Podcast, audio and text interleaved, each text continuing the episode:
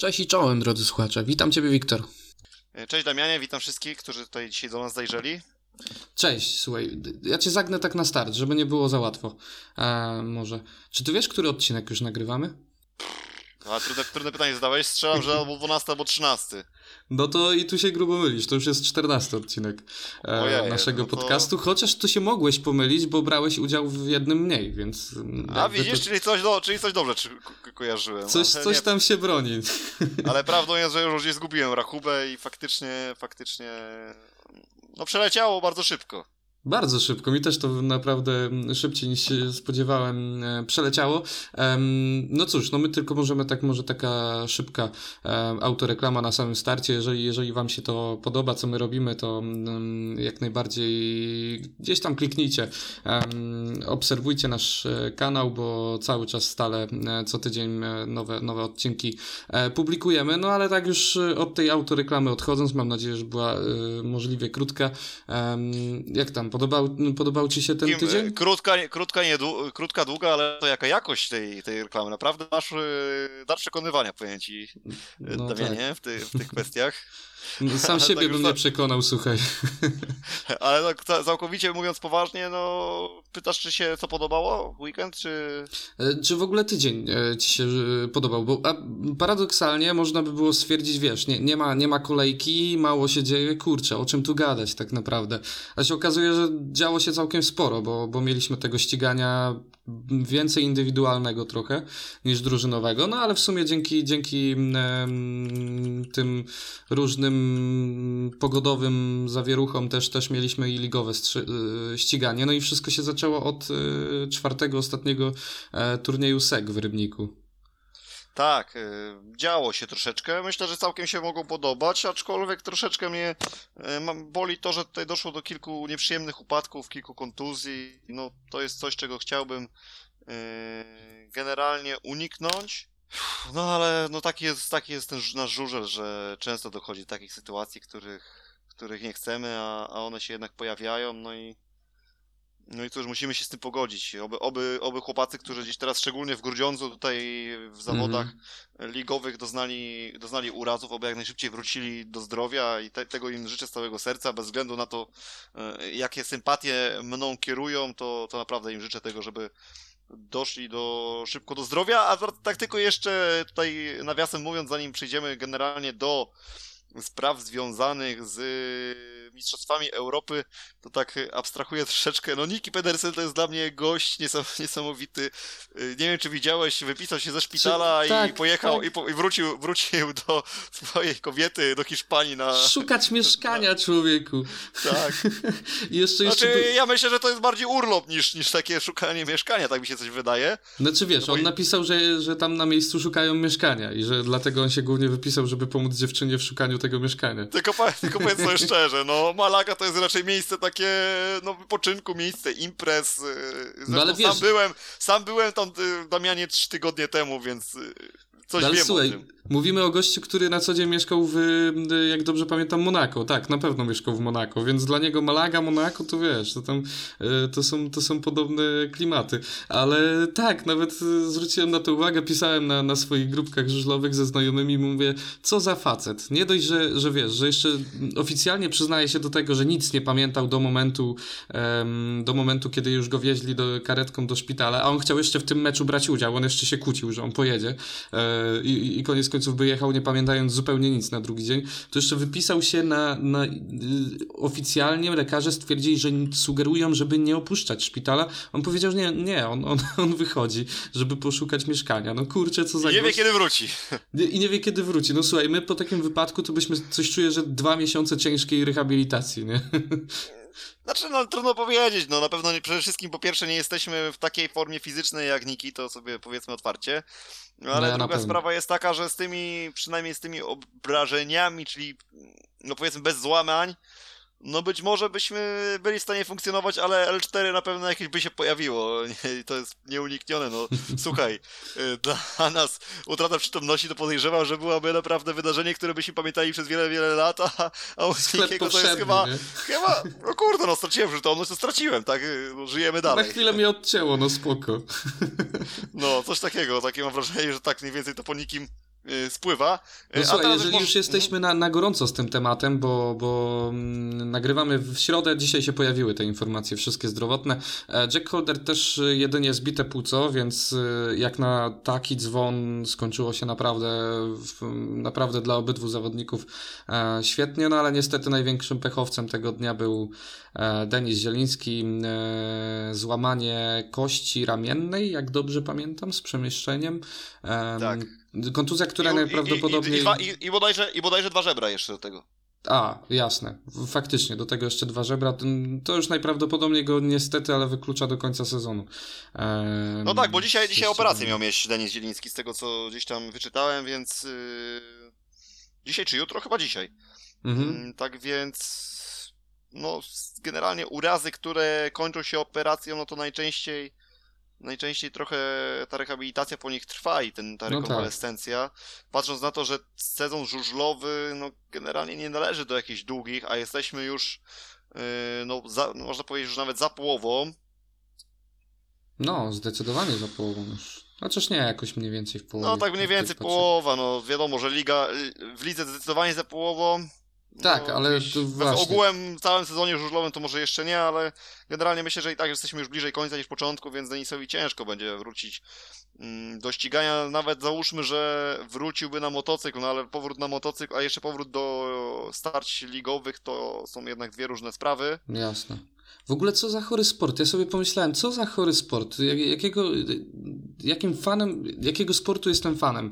Bo czy ty kojarzysz jakiś inny sport, w którym kibice jakby oglądają parę wyjazdów karetek e, na tor, kompletnie jakby też się nie dziwiąc jakoś wielce, nie łapiąc się za głowy e, kolosalnie, że jakaś karetka jest na torze i ktoś cierpi na tym torze, tylko bierze to jako, wiesz, e, po prostu pewien element całego widowiska. Oczywiście nie chcemy tego, nigdy tego nie chcemy, każdy normalny kibic tego nie chce, ale to, wiesz, to, to jest też taki, taki normalny widok, widok dla, dla kibiców I, i tak sobie pomyślałem, mówię, kurde, co, czy, czy, czy na pewno chcę oglądać ten sport, nie? A później sobie mm. powiedziałem tak.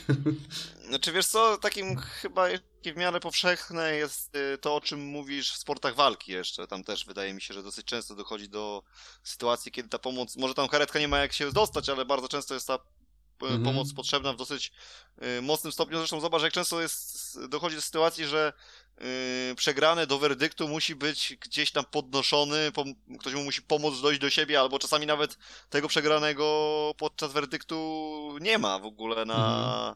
na sali, hali, w zależności gdzie to się odbywa. Więc to też, też, też tam jest, jest tym dosyć podobnie. Natomiast żużel faktycznie bardzo, bardzo często takie sytuacje nam prezentuje. No i to jest troszeczkę smutne, no, bo nawet bardzo smutne, no ale z drugiej strony no czy ten sport byłby tak piękny, gdyby nie był y, aż tak ryzykowny? No, Wiem to, o co to, ci chodzi, tak. To chyba, to chyba jest ten smaczek, który, który dodaje, y, wydaje mi się, oglądalności i tej ekscytacji wokół, tak. wokół Speedwaya. Ten fakt, że oni naprawdę konkurują na, na może nie śmierć i życie już w tych czasach, na całe szczęście, ale, ale naprawdę ryzykując bardzo dużo. Dokładnie tak, dokładnie tak. A zaraz może już wracając do samego, do samych mistrzostw Europy, tutaj powiedzmy sobie parę słów. Yy, no na początek trzeba przede wszystkim yy, powiedzieć to, że no mistrzem Europy Mikkel Mikkelsen yy, przed Leonem Madsenem i Patrykiem Dudkiem. Dokładnie taka sama trójka na podium znalazła się, jeśli chodzi o ostatnie finałowe zawody w Rybniku, z tym, że tam była, Duńczycy zamienili się kolejnością. Mhm. Y, w finale znalazł się także Bartek Smektała, co akurat bardzo mi się podoba, że, że ten smyk gdzieś tam się pojawił. Ja generalnie y, stawiałem go jako jednego z czwórki, który się w tym finale znajdzie, co troszeczkę było być może zaskakujące, albo i nie zaskakujące, no ale tak, tak jakoś czułem, że, że smyk musi końcu, raz na jakiś czas musi mieć takie naprawdę fajne zawody. Y, całkiem dobrze mu się układało, układały te, te zmagania. Też bardzo istotną kwestią są pola startowe. Bardzo istotną, bo powiem ci, mhm. że mogłeś nie zwrócić uwagi, ale z pól wewnętrznych, czyli z pierwszego i drugiego, na 22 wyścigi, tylko raz z drugiego pola ktoś przyjechał na ostatniej pozycji. A tak, mając pierwsze, drugie pole, we 22 wyścigach, oprócz tego jednego razu, zawsze przywoziło się co najmniej punkt. No to jest ciekawa statystyka. To jest ciekawa statystyka. Podobnie było w Impie, z tego co kojarzę. Mm, też była duża nierówność puls. Ale chyba nie aż taka, żeby, żeby No wiesz, nie, aż żeby... taka nie, faktycznie.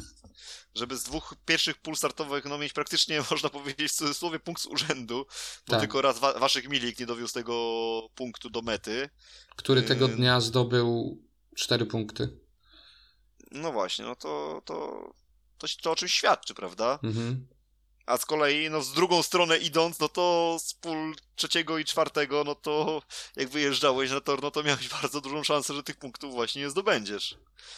Bym powiedział, że praktycznie 25% szansy, bo nawet więcej, nawet więcej, bo to w sumie no jest jedna czwarta tak jakby, ale, ale z drugiej strony no naprawdę w każdym biegu oprócz biegu 20 to ktoś z trzeciego, czwartego pola mm, dojeżdżał do mety ostatni, także to naprawdę nie, nie, nie chlubna statystyka. Gdzie Rybnik mimo wszystko nie jest takim złym torem, jeżeli chodzi o walkę na dystansie, ja bym powiedział, że jest całkiem, całkiem w porządku tam, eee, to tym bardziej dziwi.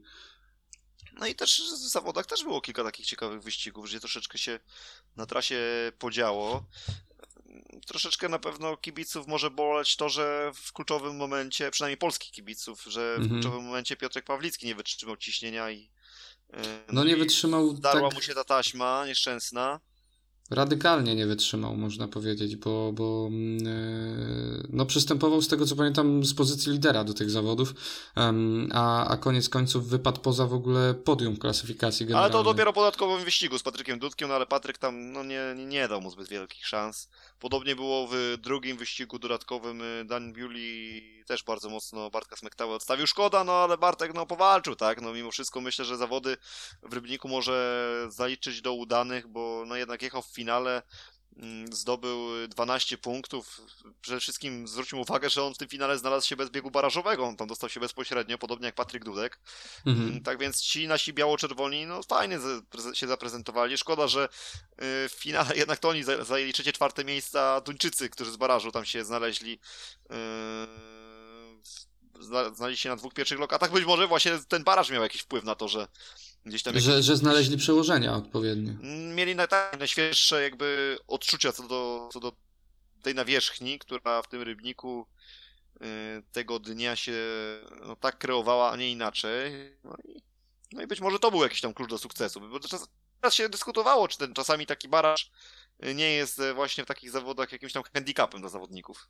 Mhm. E, tak, ja pamiętam na pewno, na pewno pamiętam takie kwestie związane z drużynowym Pucharem Świata jeszcze, pamiętasz, gdzie, gdzie dzień wcześniej odbywał się baraż, tak. baraże i Bardzo dużo się dyskutowało, czy to nie jest Ojej. atut, że się jedzie, nie? Oczy, ale oczywiście, że był. Druży, to było widać po drużynach, które faktycznie specjalnie te punkty e, traciły i, i to był duży handicap, jeżeli ktoś dzień wcześniej był na tych Mówisz, że to było specjalnie, tra specjalnie tracone punkty? To było widać, to było widać, to było dosłownie widać. Jeszcze coś kojarzę, że, nawet Cieślak w którymś momencie tam podbiegał do kogoś i krzyczał, że, e, że, że nie chcemy bezpośrednio awansować. Ale tu mówię o bardzo radykalnym przykładzie w ogóle zupełnie innego e, turnieju i dodat dodatkowo cał całych zawodów odjeżdżanych dzień wcześniej. Tutaj to jest tylko jeden bieg, ale wydaje mi się, że tak, że to, to, to, to zdecydowanie oni mieli, tak jak mówisz, najświeższe odczucia, takie najbardziej aktualne w danym momencie i to mogło rzutować zdecydowanie na przełożenia, na, na przygotowanie sprzętu, też na e, znajomość ścieżek. Tak, to, to, to może być plus. Powiem Ci tak, myślę, że przede wszystkim emocjonujące w tych zawodach było to, że no dopiero w ostatnim finałowym wyścigu rozstrzygało się losy mistrzostwa. Tak, każdy miało co jechać. E, I tak dalej, i oprócz tego rozstrzygało się też losy brązowego medalu, bo gdyby Patryk Dudek w tym finale dojechał trzeci, e, przepraszam, czwarty, no to wtedy Piotr Pawlicki byłby na trzecim miejscu. Szkoda tylko, że A to się rozstrzygało... Jeździł, jechał to się o... Bartek Smektała jechał, tak, i Bartek Smektała dodatkowo też jechał o utrzymanie w cyklu SEK, oczywiście. Dokładnie. Także tam było dużo rzeczy do rozstrzygnięcia w tym finale, natomiast szkoda, że akurat oprócz Bartka Smektały to wszystko rozgrywało się na linii Polak-Polak, Duńczyk-Duńczyk, co nie? Bo tak mhm. trochę byłoby ciekawie, gdyby jednak to dwu, zawo zawodnicy no tak, z dwóch różnych krajów rywalizowali. Prawdą jest, że no tak naprawdę dopiero w piątej serii się tak naprawdę rozstrzygnęło, że to już tylko Duńczycy zostali w grze o, o te najwyższe trofeum. No ale no życie. No życie, tak. jasne, że tak. Tutaj trochę szkoda faktycznie tego Piotrka Pawlickiego, który mm, no widać było, że, że jest silny, no i no, musimy głośno powiedzieć o stawce, która, która mm, się liczyła z tym wszystkim, czyli e, awansem do, do Grand Prix. Oczywiście, końcu... to, to myślę, że jest równie chyba ważne jak ten tytuł Mistrza Europy. Ja nie wiem, czy nie. Nie, no dobra, przesadziłbym, gdybym powiedział, że bardziej, ale na pewno to widać, że, że podniosło prestiż e, tych zawodów, tych Mistrzostw Europy. E, Z całą ten... stanowczością, ale to dobrze, wiesz, bo ja uważam, że przez wiele lat niepotrzebnie to było bardzo mocno gdzieś tam traktowane jako takie niszowe zawody. Tak. Z tym, że z tym, że chcę jedną rzecz zauważyć. Zobacz, jak my mamy yy, no jeszcze 15-20 lat wstecz faktycznie ten żużel międzynarodowy był bardziej pozaeuropejski, nie tylko sama Europa. No w tym momencie, no to takich zawodników na poziomie Grand Prix, którzy mogliby gdzieś tam wojować, to masz tak naprawdę tylko z Australii i jest to w tej chwili jeżdżący Jason Doyle, no i być może mógłby tam gdzieś dorzusować do niego Jack Holder, który moim zdaniem też tam tymi swoimi umiejętnościami mm -hmm. byłby w stanie sobie w takim cyklu poradzić, natomiast no, no poza po, nimi. Poza nimi faktycznie tutaj już nie ma. No to znajdź zawodników, którzy gdzieś tam naprawdę byli w stanie ten poziom e, Grand Prix prezento prezentować spoza Europy. No, no tak, nie ma już nie ma Amerykanina żadnego, a to był, to był zawsze um, jakiś, um, znaczy właśnie zawsze ten Billy Hemil, właśnie Greg Hancock, e, jeszcze inni um, byli, byli stali, stałymi bywalcami w Grand Prix. E, zawodnicy jeszcze z Nowej Zelandii pamiętam, że się zdarzali, teraz już ab, absolutnie jakby nie jest to aktualne. Australijczyków zawsze było trochę więcej, teraz mamy tak Oczywiście, tak naprawdę... no zobacz, przecież, no wiadomo, że tam był w tych początkowych latach XXI wieku wieku, czy tam jeszcze w, jeszcze w ostatnich 20, y, mhm. to rzeczywiście była taka zależność, że tych zawodników w Grand Prix było troszeczkę więcej, bo tam było 24 uczestników, nie 16. Mm, no ale wtedy miałeś, zobacz, w jednym czasie potrafili jeździć przecież Lee Adams, Ryan Sullivan, tak. Jason Kraft, Todd Wilshire. Yy, kogo jeszcze nie wymieniłem? No to, ale to już z marszu tak, tak, masz czterech tak, tak, tak, Australijczyków. Do tego dorzucasz dwóch Ameryk przepraszam, e, dwóch Amerykaninów, yy, Hancocka i, I Hemila. I już z automatu masz sześciu zawodników spoza Europy. Tak, a tutaj tak naprawdę w przyszłym sezonie, w, znaczy w tym sezonie, przepraszam, w e, Grand Prix, w cyklu Grand Prix masz dwóch, bo zapomnieliśmy trochę o Maxie Friku, który... który o, przepraszam e... Ma, Max mam nadzieję, że mi to wybaczy, bo wiesz co, wydaje mi się, że za... pominęliśmy go z takiego mm, przede wszystkim powodu, że troszeczkę jego forma osłabła, wiesz? I pewnie tak. dlatego... W drugiej części tego... sezonu tak, tak, tak. Ale, ale zwracam honor, faktycznie jeszcze jest Max Freak, który, który gdzieś tam się w tym Grand Prix pojawia, tylko czy to jest zawodnik, który coś tam jest w stanie wielkiego osiągnąć? No wiesz, Trudno jeżeli znajdzie wiesz, on ma, ma, ma, ma jedno, przepraszam, że tak wchodzę w słowo, ma jedno no zwycięstwo oczywiście w cyklu w swojej karierze yy, w Toruniu w zeszłym roku, tak? Jak dobrze pamiętam. Tak, tak, tak, tak. I to było chyba w ostatnim mm, turnieju, czy, czy przedostatnim. Tak, tak, tak, było, było, było, było. E, tak, przedostatnim, bo się cieszyliśmy jeszcze, że, że jeżeli ktoś miał wygrać, to tylko i wyłącznie on. E, że zabrał punkty, wiesz, innym, innym przeciwnikom e, w tym biegu. Y, I teraz yy, o Grand Prix może jeszcze, do Grand Prix może jeszcze wrócimy, tak. co? Dzisiaj mamy teraz, taki plan. Także teraz sobie porozmawiajmy jeszcze o, o tym seku. Generalnie powiem ci tak, y, fajnie się zaprezentował Dawid Bel... Już sam nie wiem jak to mówić, kiedyś y, jak bywałem Beliego, na zawodach... Belego, Beliego była taka forma, tak podobno w Poznaniu powiedział, że tak, tak się jego nazwisko poprawnie wy, wypowiada, tak kiedyś powiedział, Dawid Beliego, tak, tak, taka, taka była wersja, ja się jej długo trzymałem.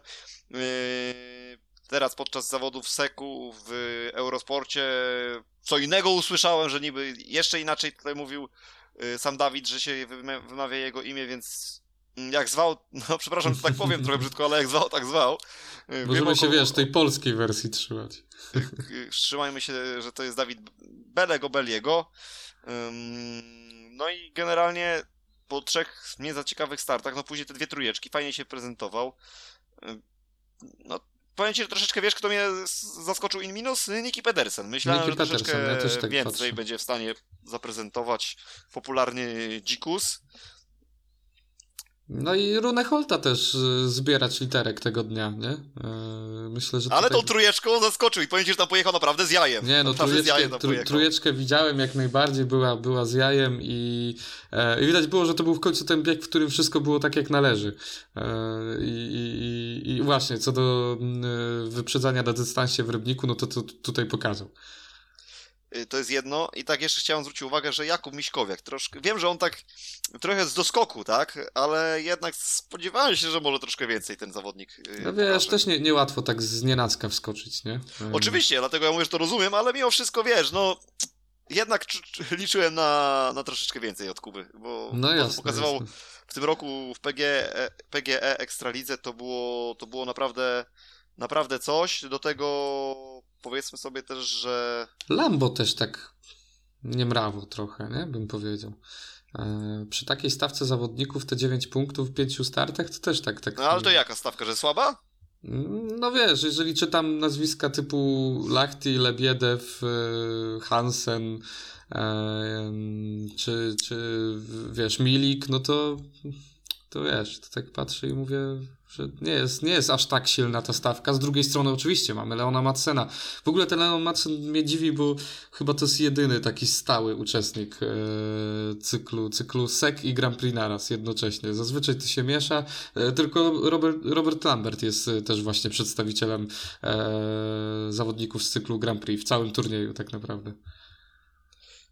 No w tej chwili patrząc na stawkę, na to, wszystko na to wskazuje, że jest tak jak mówisz. E, natomiast no nie wiem, ja, ja się dziwię, że, zawodni, że trochę więcej tych zawodników takich topowych nie jeździ. Nie wiem, jakie są, są też oczywiście garze za udział w, tym, w tych mistrzostwach. Być może są na tyle niewielkie, że się to nie opłaca. Myślę, że tak, że, że, że to może być główny powód.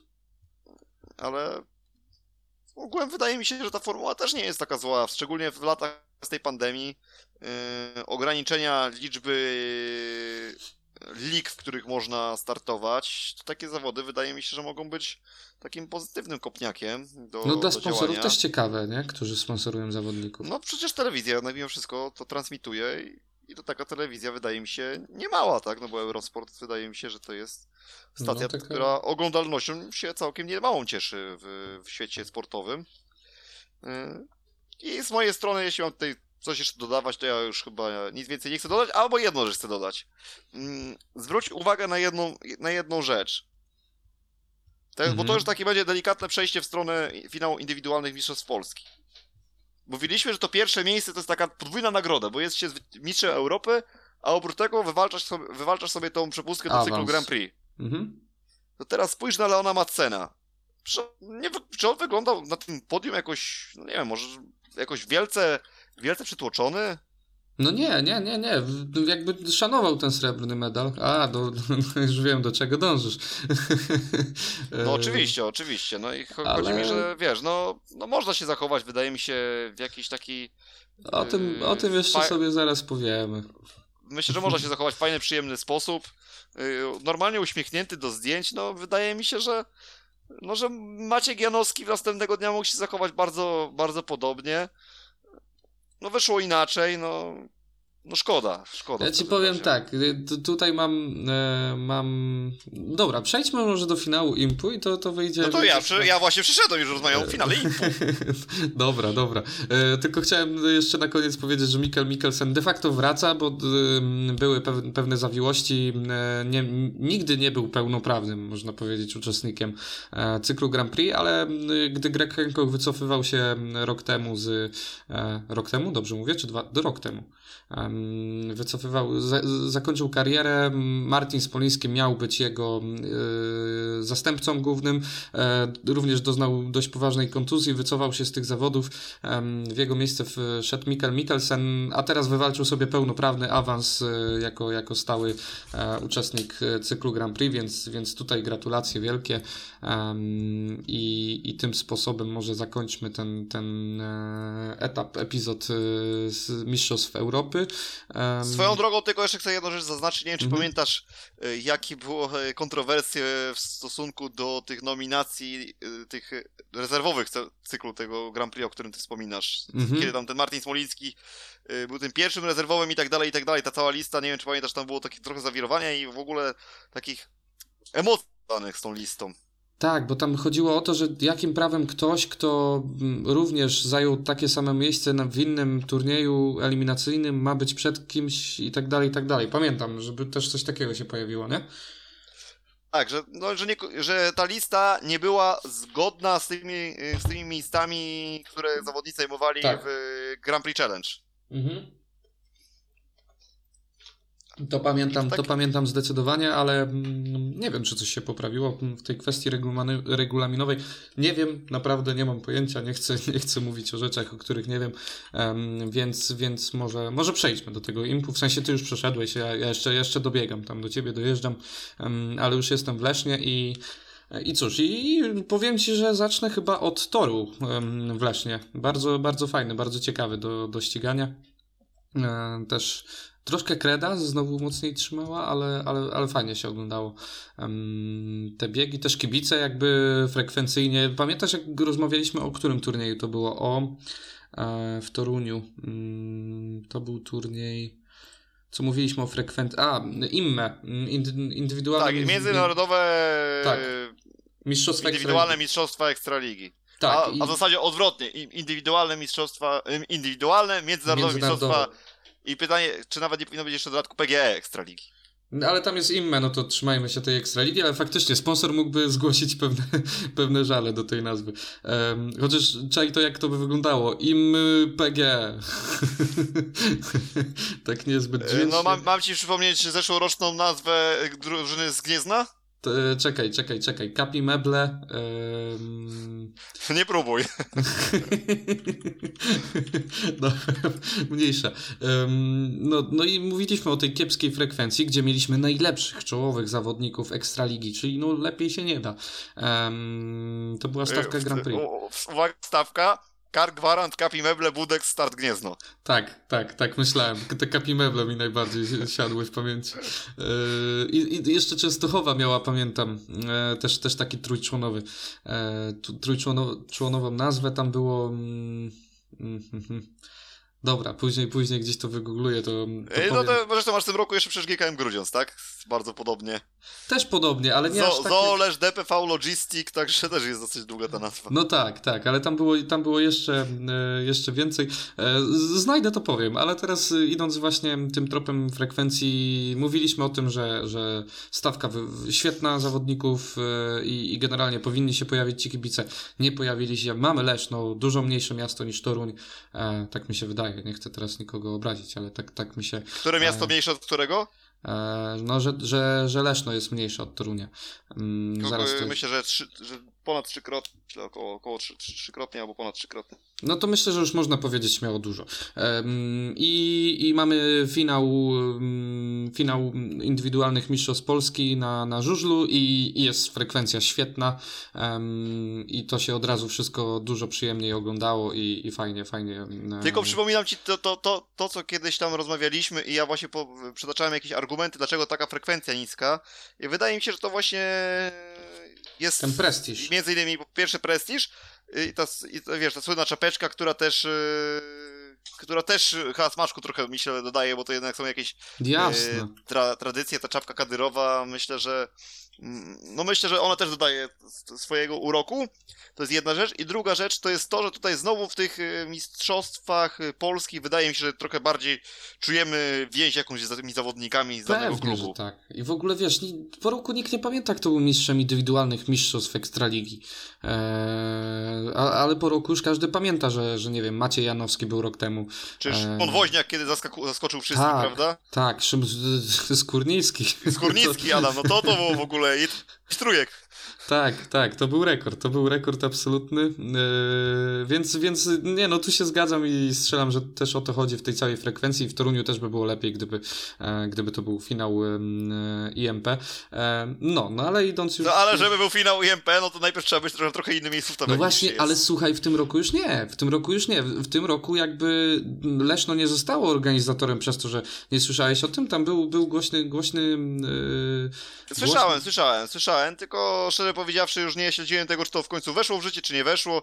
Aczkolwiek uważam, że to jest chore trochę, bo była to moim zdaniem piękna tradycja i piękna nagroda za, za tak. Mistrzostwo Polski. Tak, nagroda bardzo, bardzo w, po, w porządku. Gdzieś tam może można się zastanawiać, czy wiesz, ci najlepsi, skoro są najlepsi tutaj, to czemu mają mieć ułatwienie jeszcze gdzieś tam indziej. Um, I wiesz, w, w, przypadku, kiedy Leszno właśnie było takim no, mistrzem nad mistrzami, teraz już się zmieniło to w tym sezonie, ale tak to byli e, ewidentnie najlepsi, to robiło się gdzieś tam powoli już takie, takie wiesz, aha, dobra, to za rok znowu w Lesznie.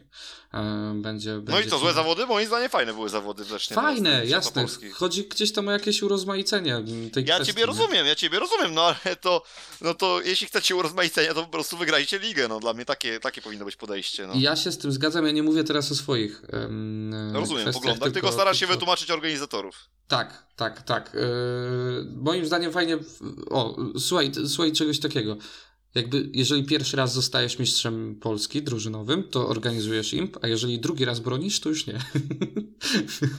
I że za rok będzie u kogoś innego yy, organizacja. No, no cóż, no życie. Jak to już mówię to chyba po raz trzeci dzisiaj, ale no niestety no nie wszystko jest tak, jakbyśmy chcieli. Ja generalnie zawsze bym chciał, żeby te tradycje gdzieś tam były pielęgnowane, podtrzymywane, nie, no ja bo też. myślę, że to no zawsze dodaje tego smaczku. Nawet tak jak mówimy o tych mistrzostwach Polski, że to jednak tradycja powodowała, że to nas bardziej kręciło. Myślę, że jak już odstąpimy od jednej tradycji, zaraz może być, że odstąpimy od jakiejś drugiej i to będzie z każdym. Tak, i, i wszystko będzie taką wydmuszką, taką właśnie tak. jak nie? E, więc, więc a co uważasz o tym, że jest teraz ten bieg barażowy, a nie, nie ma tak jak po staremu no pięciu, i tutaj... czterech, pięciu serii i zwycięzca? I tutaj ja ci powiem, że, że też będę konserwatywny, gdzie w swoim prywatnym życiu absolutnie nie jestem, wręcz w drugą stronę tak tutaj jestem konserwatywny. Ja wolałem tą starą wersję, e, gdzie, gdzie od początku się te punkty zbierało i e, koniec końców mistrzem Polski został faktycznie jakby najlepszy zawodnik tego dnia. A co myślisz o ewentualnych dwóch, trzech rundach takich mistrzostw? O, jakby to jeszcze zrobić, tak, tak jak mówisz, żeby to zrobić w tej starej, starej formu, formule, pięciu startów u każdego i koniec, i pomnożyć to razy trzy, no to w tym momencie już mamy takiego, wiesz, takiego naprawdę wywalczonego, pewnego mistrza Polski. No i na przykład pierwsza runda u brązowego medalisty, druga o. u srebrnego i, i ostatnia runda u u mistrza, drużynowego mistrza Polski, z tym, że wtedy już znowu byśmy odeszli od y, kwestii tradycji, nie? Bo już byśmy coś, coś, coś no tak, ale w takim zmieniali. ciekawym kierunku, e, można powiedzieć. No a ktoś inny powie, że, że ciekawym kierunkiem jest y, baraż zmiana zasad, za, baraż albo zmiana zasad ustalania gospodarza. No właśnie, dlatego każdy może mieć swoją opinię. Mm, jakby też nie jestem malkontentem, okej, okay, zmienili formułę, to, to, wiesz, nawet jak z Marzik któregoś razu był zapytany, czy, czy, czy mu nie, się to mi to podoba. też nie jakoś wielce nie przeszkadza. Wolałbym starą, ale też jakoś nie narzekam na tą, która jest teraz. No tam było, że, że Zmarzlik by został już dwa razy mistrzem Polski, gdyby była ta stara sytuacja, nie? Gdzie, tak, tak, biegów... tak. I był zapytany o to, czy wiesz, nie czuje się jakoś źle z tym faktem. Tam chyba Janowski i Woźniak chyba go tam dwa razy, tak? Po tak, chyba, chyba tak, co te dwójki zdobywali i, i w finale wygrywali. A wiesz, Bartek odpowiedział, kurczę, co to za pytanie w ogóle? Przecież od samego początku wiemy, jaka jest formuła i wiemy, jak startujemy i koniec, kropka, że nawet nie, ma, nie, ma, nie miał czasu się zastanawiać nad tym. No i, um, ja, ja powiem ci, że chyba tak samo odpowiedział tak naprawdę. No jasne, no każdy wie od, od samego początku, że trzeba będzie wygrać w finale i, i tyle w temacie. E, więc, więc spoko. I tak to się fajnie, przyjemnie ogląda. No w finale były emocje jak jasna cholera, dla niektórych nawet zbyt duże, jak się później okazało. E... W ogóle jeśli mówimy o, o samych tych y, wynikach i tych emocjach i tym finale, to ja ci powiem, że chyba można, można było powiedzieć y, hej DJ, Pongale la musica quelle gusta e, w kierunku DJ-a KK, który w tych zawodach no brylował, wszystkich zaskoczył chyba fenomenalną postawą i można powiedzieć, że e, ta melodyjka e, słyn, e, słynnej piosenki, m, która wiadomo tutaj wspomina o, o graniu muzyki e, do, podobającej się muzyki przez DJ-a, no to chyba długo w tych y, uszach Krzysztofa Kasprzaka mogła się pojawiać i gdzieś tam być nawet może przez niego nucona, no ale no Bartek Zmarzlik długo, długo nie pozwolił się cieszyć z tego. No słuchaj, nie no, w tym, w tym finale to było słodko strasznie, słodko, słodko, słodko. Tam, tam było m, mm, przez połowę okrążenia pierwszego. A, a, później było gorzko, gorzko. Tak, później już było troszkę, nie no, dalej było słodko, słodko, kurczę, drugie miejsce, wiesz, tak się trochę, później oglądałem te powtórki tego finału, um, troszkę mi szkoda było, bo, bo wiesz, widać było, że maszyna nie ciągnie i wiesz, drugi raz Maciek go wyprzedził, jeszcze trzeci raz Janek Kołodziej poprawił, wiesz, i, i takie na, najsmutniejsze trochę Nie, no szkoda trochę faceta, jak najbardziej, ale no, z drugiej strony myślę, że przed zawodami takie czwarte miejsce wziąłby w ciemno O, i, wy... I druga sprawa, sam wczoraj w Mixzonie chyba tak zau... też tak trochę powiedział tutaj, bo tam to- Tomek Golo bardzo, bardzo w tej Mixzonie chwalił tego Krzyśka Kasprzaka i gdzieś tam mm, e, właśnie sam Krzysiek też zauważył, że chyba właśnie ten, e, ten występ był taki przełomowy właśnie w tym, w tym impie, Mhm. więc kto wie, kto wie, być może jeszcze GKM Grudziądz w tym roku nas troszeczkę zaskoczy. No i pamiętaj, że sezon Grand Prix jeszcze jest, w którym też można pomieszać. A pamiętasz, jak mówiliśmy, że yy, no trochę słaba ta stawka tego Grand Prix, bo, no bo, no bo Krzysiek No. bez formy, bo Oliver Bertson, No, e, tacy niepewni. W pewnym momencie mówiliśmy, że Żagar słabo jeździ. Mm, Teraz może zaraz byśmy mogli trochę ponarzekać, że Max Freak trochę formą osłab. ale No wiesz, i tak no, można byłoby tysiąc powodów y, do narzekania wymieniać. Nawet Fredrika Lingrena, który jest taki niepewny, można byłoby gdzieś tam z, z, z, powiedzieć, powiedzieć parę słów o nim. No jasne, jasne, ale wiesz... A koniec też... końców Krzyś, Krzysiek zaskakuje i nawet mówiliśmy, a może Krzysiek zaskoczy i się trochę śmialiśmy z tego, ale koniec końców gdzieś tam było, była nutka jednak też tej powagi, że może, no, że wszystko jest różno możliwe. No i w tej chwili Tak. wydaje się, że Krzysiek Kasprzak już, no oczywiście dalej jest jednym z faworytów do nieutrzymania się w tym cyklu i do zajęcia powiedzmy z, pozycji w, dru- w klasyfikacji generalnej w drugiej dziesiątce, ale mimo wszystko już teraz, jeśli ktoś by wytypował, powiedział, że Krzysiek Kasprzak na przykład zajmie tam piąte miejsce w cyklu, to już myślę, że już y, wywoła... Byłby trochę mniej wy- wyśmiany. y, Myślę, że byłby wyśmiany już w tej chwili przez 80% społeczności, która sympatyzuje Żużlowi, a nie przez 99,5%. Tak, tak, tak.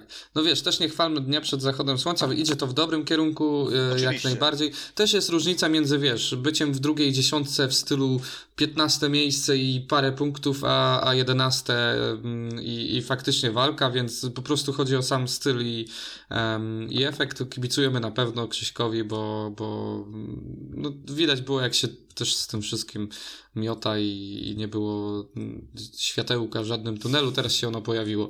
Em, I o tyle fajnie y, to wyszło. I Już ogóle- widzę, już, już widzę, jak w Zielonej Górze kibicujemy Krzyśkowi Kasprzakowi. No tak, no, no przecież, no, no wiem, no ale koniec końców. Nie, no jasne, Polakom kibicujemy, aczkolwiek wiesz jak jest.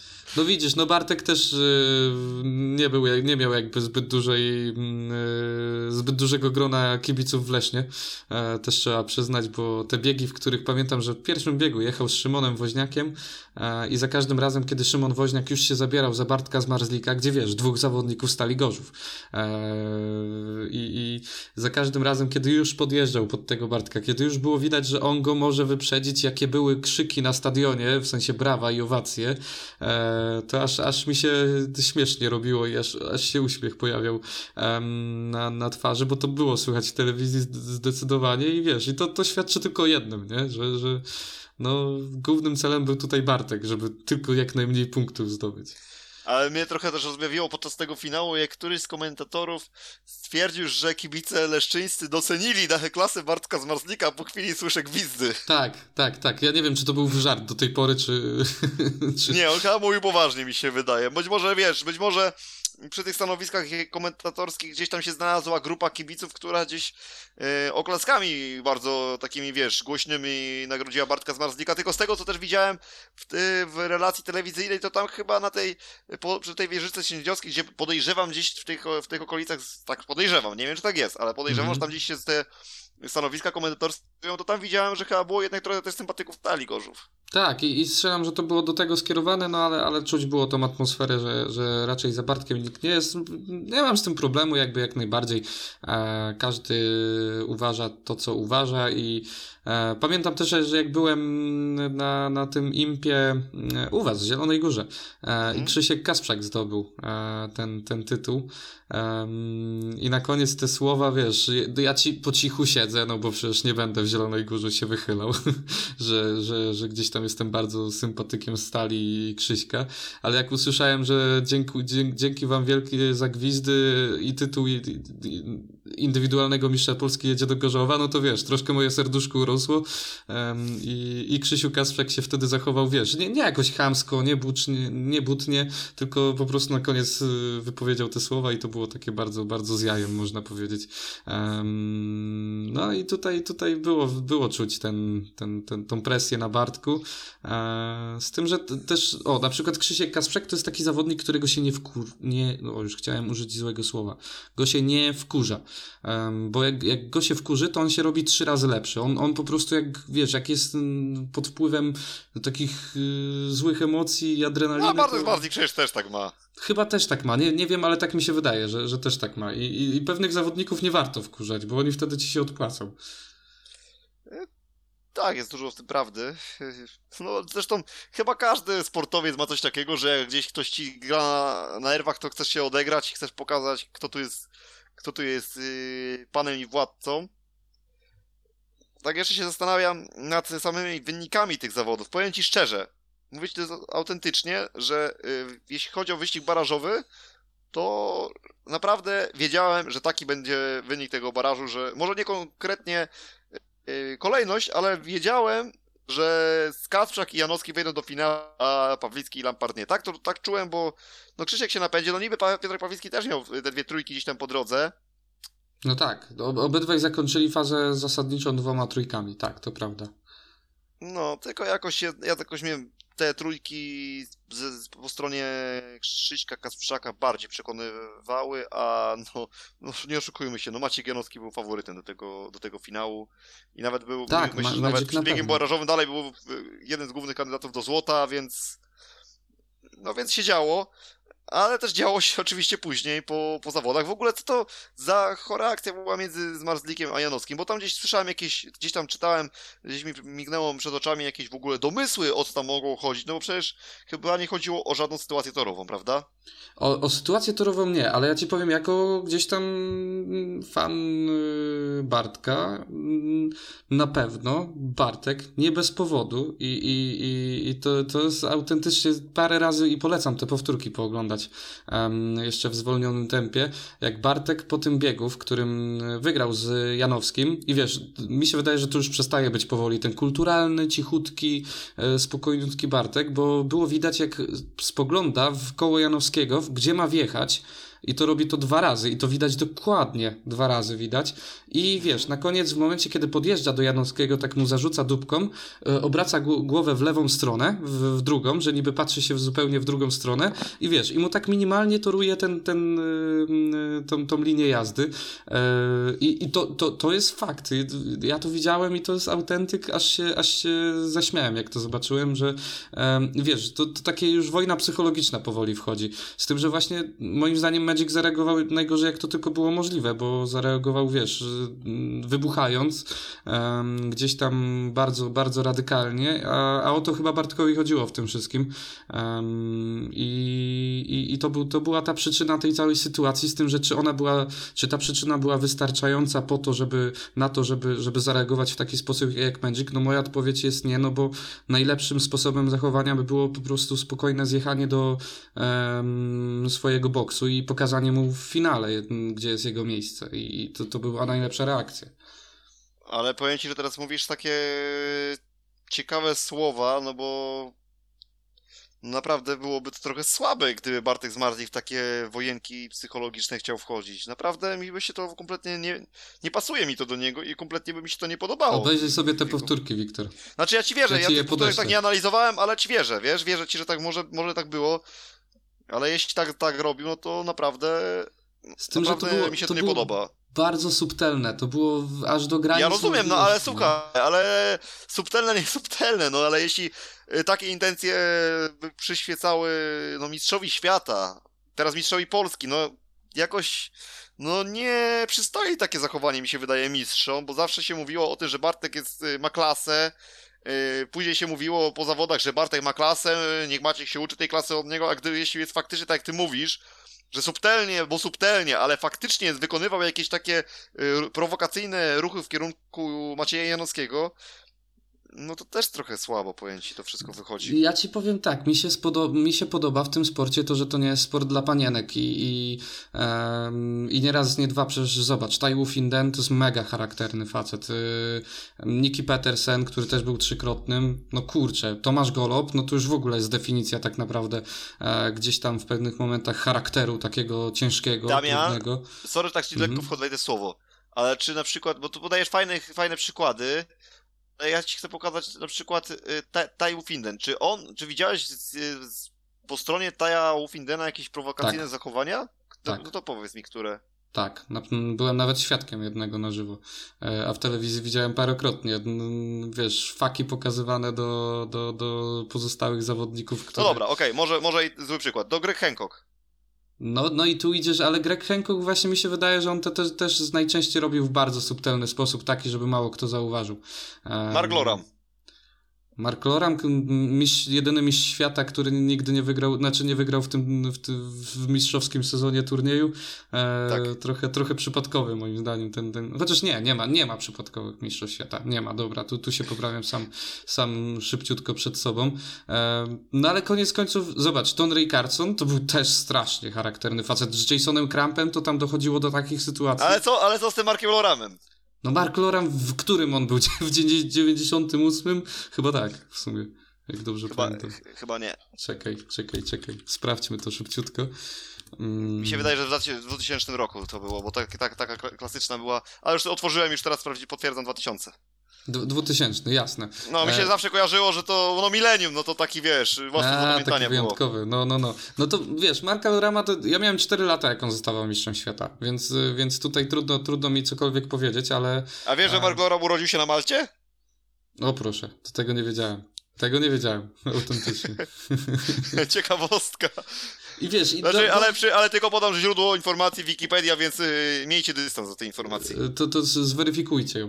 Em, no, ale wiesz, dą- dążę do tego, że mi się podoba u nich to, że, że mm, e, właśnie dochodzi do tych takich mini spięć. Nie mówię tu o sytuacjach, wiesz, typu e, Nichols, e, Scott Nichols, e, Emil Sajfutinow, typu e, Matej Żagar, Niki Petersen i jeszcze innych można tylu, tyle zna, znaleźć. E, aha, też taka jedna z najlepszych to był Niki Petersen e, versus, e, versus, versus e, kto? Ten Australijczyk e, młody.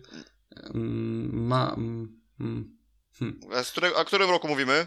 To był w 2000, gdzie, gdzie biedny Chućko dostał po zębach. Ym, mechanik Nikiego Petersena ów, ówczesny.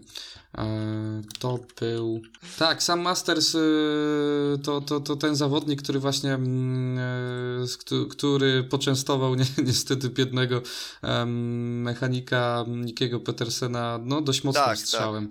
Em, widziałem, że tam lekkie KO nawet było. E, I wiesz, Żenada. I to, to już są, to, to już jest żenada, chociaż wiesz, akurat takie bójki, to ja Nicholsa do dzisiaj wspominam za Nie, no Nicholsa, Nichols i Emil to było piękne. Sobie, no i może, może właśnie, to, może to za mocne słowa z mojej strony, ale, ale tak, ale tutaj chodzi mi, że... lubimy takie rzeczy, kurde, niestety, ale... No to lubimy, jest- ale chodzi mi, że no kurczę, sam Masters, no wiesz. No no nie, no, przecież to sam jest Masters i on nie miał nawet powodów zbytnio do tego, No o to mi tak- chodzi wszystko, nie? Że tam nie było, wiesz, nic wielkiego. Po drugie, biedny, biedny, na- biedny mechanik. Tak, Ja, tak, przez tak, tego, tak. co pamiętam, to on chyba tam wielkiego nic temu Mastersowi nie zrobił, prawda? Dobrze Nic, no co ty, on biegł, on biegł po prostu. No i dlatego o to mi chodzi, że właśnie, że właśnie tego mówię, że to jest słabe, bo jeśli tam było, wiesz, ewidentna, ewidentne spięcie pomiędzy dwoma osobnikami, którzy, no, powiedzmy sobie, no chcieli, chcieli tego spięcia, tak, między sobą. No, No, tak, to jest trochę tak, inaczej niż jak y, atakujesz jakiegoś tam, po, powiedzmy, no może nie postronnego, no ale, ale osobę, która gdzieś do tej konfrontacji nie dąży, no trochę, trochę inne sytuacje. No takie nie, no to, to, było, to było już naprawdę. W... O, i tu, tu była ta granica przekroczona już e, jakiegoś smaku. Znaczy, każda bójka teoretycznie powinna być przekroczeniem, ale kurczę, w żużlu wiesz, to jest właśnie sport dla takich facetów, facetów, dlatego wiesz, ja takie akcje nie traktuję jakoś bardzo źle. Pytanie, jak druga osoba to odbiera. E, bo jeżeli, jeżeli to była faktycznie jakiś podjazd taki bardziej ambicjonalny, taki bardziej e, wojny psychologicznej, te, na, w minimalnym choćby stopniu, no to jakby, wiesz, Magic y, dość mocno dał się sprowokować, bo jego reakcja na to wszystko e, była, była bardzo mocna i, i, i pytanie, czy, znaczy wizerunkowo na pewno dużo więcej stracił niż, niż zyskał, no nie no, to bez, bez dwóch zdań. E, stracił bardzo dużo u wielu kibiców i mm, no i tak jak mówisz, no niektórych srebro może radować, a niektórych e, widać nie, nie raduje zbytnio. A powiedz mi taką rzecz, y, bo słuchaj, generalnie zgadza się, zgadzam się z tym, co mówi, że wizerunkowo stracił bardzo dużo, ale powiedz, co twoim zdaniem by było, gdyby Maciej Janowski otworzył usta i powiedział no, do kamery, co było powodem tej sytuacji? Uważasz, znaczy on, że mógłby to oni, tak wiesz? Ob, hmm? ob, obydwaj oni nie chcą nawet słowa powiedzieć jakby na, na ten temat. Ani, ani Bartek, ani, ani Magic. I teraz wiesz, na pewno jest ty, dużo prawdy w tym, bo mnie ten temat powoli męczy, dlatego mam lekkie wyrzuty sumienia, że w ogóle na ten temat tak rozmawiamy, chociaż z tobą jeszcze nie rozmawiałem, dlatego um, gdzieś może to inaczej wygląda, bo ilość, liczba gdzieś tam artykułów um, i, w ogóle na forach rzucanych po prostu, wiesz, no mięsa takiego przeokropnego e, i takich wyzwisk. Na Facebooku, co ja przed, się naczytałem przez tych parę dni, ja już na drugi dzień miałem dosyć tego tematu. Mówię, kurde, dobra, zrobił jak zrobił Magic. No, no okej, okay. może się z tego wstydzi, może nie. No, no zachował się średnio mocno, w sensie dla mnie mocno średnio, ale, ale kurczę, no wszyscy jesteśmy ludźmi. A to jakie, jakie były wyżygiwane, Tylko wiesz... myślę, że większy hejt był zdecydowanie związany z tym jego zachowaniem na podium niż samą Tak, tak, chodzi o podium, chodzi o podium, tak, mhm. tak, tak, tak. Na torze, jakby to się skończyło na torze, to każdy by jeszcze się śmiał, mówił, o fajnie, gdzieś tam, wiesz, jakieś iskry poleciały, no i tyle w temacie, nie? Powiem ci tak, no generalnie zauważyłem, że w hejtowaniu u nas w kraju jesteśmy dosyć mocni no, i generalnie druga jest też sprawa taka, że mamy zawsze takich swoich ulubieńców, których lubimy hejtować. E, nie, nie wydaje mi się, że gdyby, no dobra, no nie, Patryk Dudek wiem, że nigdy, na przykład Patryk Dudek wiem, że nigdy by takiego zachowania się nie, nie podjął, zejścia z podium i tak dalej, czy to jakieś tam sesji na torze, bo raczej z Patrykiem Dudkiem takich historii nie, nie, nie ja, ja, też, ja też bym powiedział, W ogóle nie, Patryk, Patryk, Patryk to jest w ogóle taki profesjonalista, taki w ogóle taka oza spokoju. Nie wiem, czy to też ci się tak wydaje. No. Znaczy on potrafi powiedzieć ostro coś, ale... ale... Tak, ale to jest wszystko tak, wiesz, ostro, ale spokojnie, spoko tak na spokojnie, nie? Że -hmm. nie ma mhm. tam krzyku, nie ma jakichś tam wiesz, tak, przesadnej tak, gestykulacji tak, tak. rękoma, no to jest taka oaza spokoju, dlatego podałem ten przykład, że gdyby taką, takie zachowanie było ze strony Patryka Dudka, wydaje mi się, że nie byłoby aż takiego hejtu w jego Ale kierunku. wiesz, może to jest ten powód, że właśnie ci zawodnicy, którzy nie dostarczają, którzy nie, nie dostarczają powodów, nie są hejtowani. E, może właśnie w tym wszystkim no jest. No tak, ale, ale czasami jest tak, no zobacz, nawet dru, drugi, druga strona medalu. Właśnie znowu ten przykład już któryś raz go tu przytaczamy w naszym podcaście, czyli tego też rzucenie się Grega Hancocka na Nikiego Pedersena. Gdyby zrobił to przykładowo, no nie wiem, Maciej Janowski, y, Piotrek Pawlicki, już nie daj Boże, to wiesz, jaka tak by nie było społeczeństwa. Nie, i tak by nie było hejtu. I tak byłoby. Tak wszyscy... Na Pietka Pawlickiego by nie było hejtu, byłoby na 100%. Za, za tą akcję, którą zrobił Greg Hancock z Nikim Petersenem? Gdyby tam był Piotrek Pawlicki, jestem pewny, że hejt by był. A mi się wydaje, że nie. Jedno, że... Wtedy byłby, że na drugą, jedną drugą stronę, żeby było, trafił swój na swego, coś w tym stylu by było. No, bo, A tutaj po tej, coś... po, po, tej akcji było typowo, wszyscy wzięli w obronę Grega Hancocka, tak? No tak, ale Greg okay, Hancock... ja nie twierdzę, ja nie twierdzę, że on tam, Greg nie miał, nie miał tam swojej racji, tak? Ja, ja jakby do tego abstrahuję. Bardziej chodzi mi o to, że gdyby tam się właśnie znalazł taki Piotr Pawlicki, czy jakiś inny kontrowersyjny zawodnik, znaczy bardziej kontrowersyjny na pewno niż Greg Hancock, no ale wiesz, to teraz ci odbije, od, odbije ci piłeczkę właśnie inaczej. Ten Greg Hancock, wiesz, budował tą swoją renomę przez kupę czasu i był no, wręcz nienaganny. Abstrahuję od tej sytuacji, gdzie się podkładał e, specjalnie, bo myślę, że też stracił mm, sporo w oczach niektórych, ale, ale tak, no jak najbardziej był zawsze bardzo pozytywną osobą, uśmiechniętą. E, zresztą e, tutaj ostatnio Maciej Markowski wspominał tak. o tym, że, że gdy spotkał się... powiedzieć w parku maszyn, no to pierwsza osoba, która go przyjęła i wręcz uspokoiła swoją, swoją osobą, swoją aurą, to był Greg Hancock. E, i, i sam się śmiał, że, że nic dziwnego, że to był on, bo wszyscy go znamy, e, więc to jest też jakieś potwierdzenie. No i, i, i wiesz, i pracujesz na tą renomę parę lat i, i tu jest y, właśnie mm, taka reakcja, jeżeli wiesz, ktoś się no nie wiem, daje materiały w stylu, w sensie daje materiał do dyskusji w stylu pobił się w jakimś klubie albo no nie wiem, cokolwiek jeszcze innego, to ta reakcja będzie trochę inna. A tak powiedz mi, co myślisz, czy troszeczkę osoba Grega Hancocka w tam, boksie Macieja Janowskiego podczas cyklu Grand Prix, czy to może być coś, co tego e, Maćka właśnie pokoi troszeczkę, że on nie będzie też taki właśnie, tak właśnie reagował, jak na przykład zareagował tutaj na to, że w kierunku Bartosza z Marzlika, czy to nie będzie mm, też takie, takie, no wiadomo, fakowa ocena sytuacji i tak dalej, jego profesjonalizm, e, no tak. No, znajdź lepszego, lepszego eksperta, no jednak tak. do tych tytułów e, Mistrza Świata trochę zdobył, tak? Tak, tak, tak. Wydaje mi się, że w tym kierunku właśnie takiego, takiej mentalnej strony też może być takim mocnym akcentem, żeby Maciek Janowski miał szansę zdobyć Mistrzostwo Świata. Pamiętasz sytuację, jak Nicky Petersen z Chrisem Holderem walczyli jeszcze w ostatnim finałowym biegu o tytuł Mistrza Świata, gdzie było wykluczenie Nikiego. Um, a wcześniej była bójka, co jeszcze młody, młodziutki Jack Holder gdzieś tam podskoczył. Pamiętasz to? Zresztą... I on go uderzył i tam cała zadyma się od tego zaczęła. No i mówię, mówię właśnie o tej sytuacji z Torunia. Pamiętasz, co, co się wydarzyło w, u Chrisa Holdera? Kto go wziął na bok, żeby go uspokoić? Przypomnij. J Jason Crump o ile mnie pamięć nie myli. Specjalnie wziął go na bok, żeby uspokoić go, bo Chris Calder widać było, że był takim, wiesz, takim, takim kurczę kłębkiem nerwów i, i wszystkiego. Um, i, i w taki sposób został gdzieś tam uspokojony, to moim zdaniem Greg Hancock właśnie powinien być um, taką osobą w, w boksie Magica Janowskiego, żeby go wspomóc właśnie psychicznie nawet bardziej, żeby e, pokazać tą swoją jakby aurę mistrzowską i, i też podpowiedzieć oczywiście e, torowo sytuację to jak najbardziej. Z tym, że bardziej wydaje mi się, że mentalnie e, by tutaj musiał e, wspomóc, wspomóc Magica, bo, bo widać, że, że tam coś, coś jest, coś, coś jest nie tak, jest jakaś presja e, na nim wywołana. Tak samo jak widać było po Piotrku Pawlickim w tym sezonie już, że, że, że ta presja jest i, i może sobie z nią nie do końca radzić i, i tak, i, i jeżeli, jeżeli Magic będzie miał w swoim boksie, w swoim teamie Grega Hancocka stale przez cały cykl Grand Prix, moim zdaniem, kurczę, kurczę, to będzie mega, mega e, duży, jakby du, duża przewaga nad całą resztą. Znaczy nie wiem, czy on będzie na każdym, na każdej tych zawodach, wiesz, ale, ale na pewno ma być jakimś tam wsparciem dla Maćka.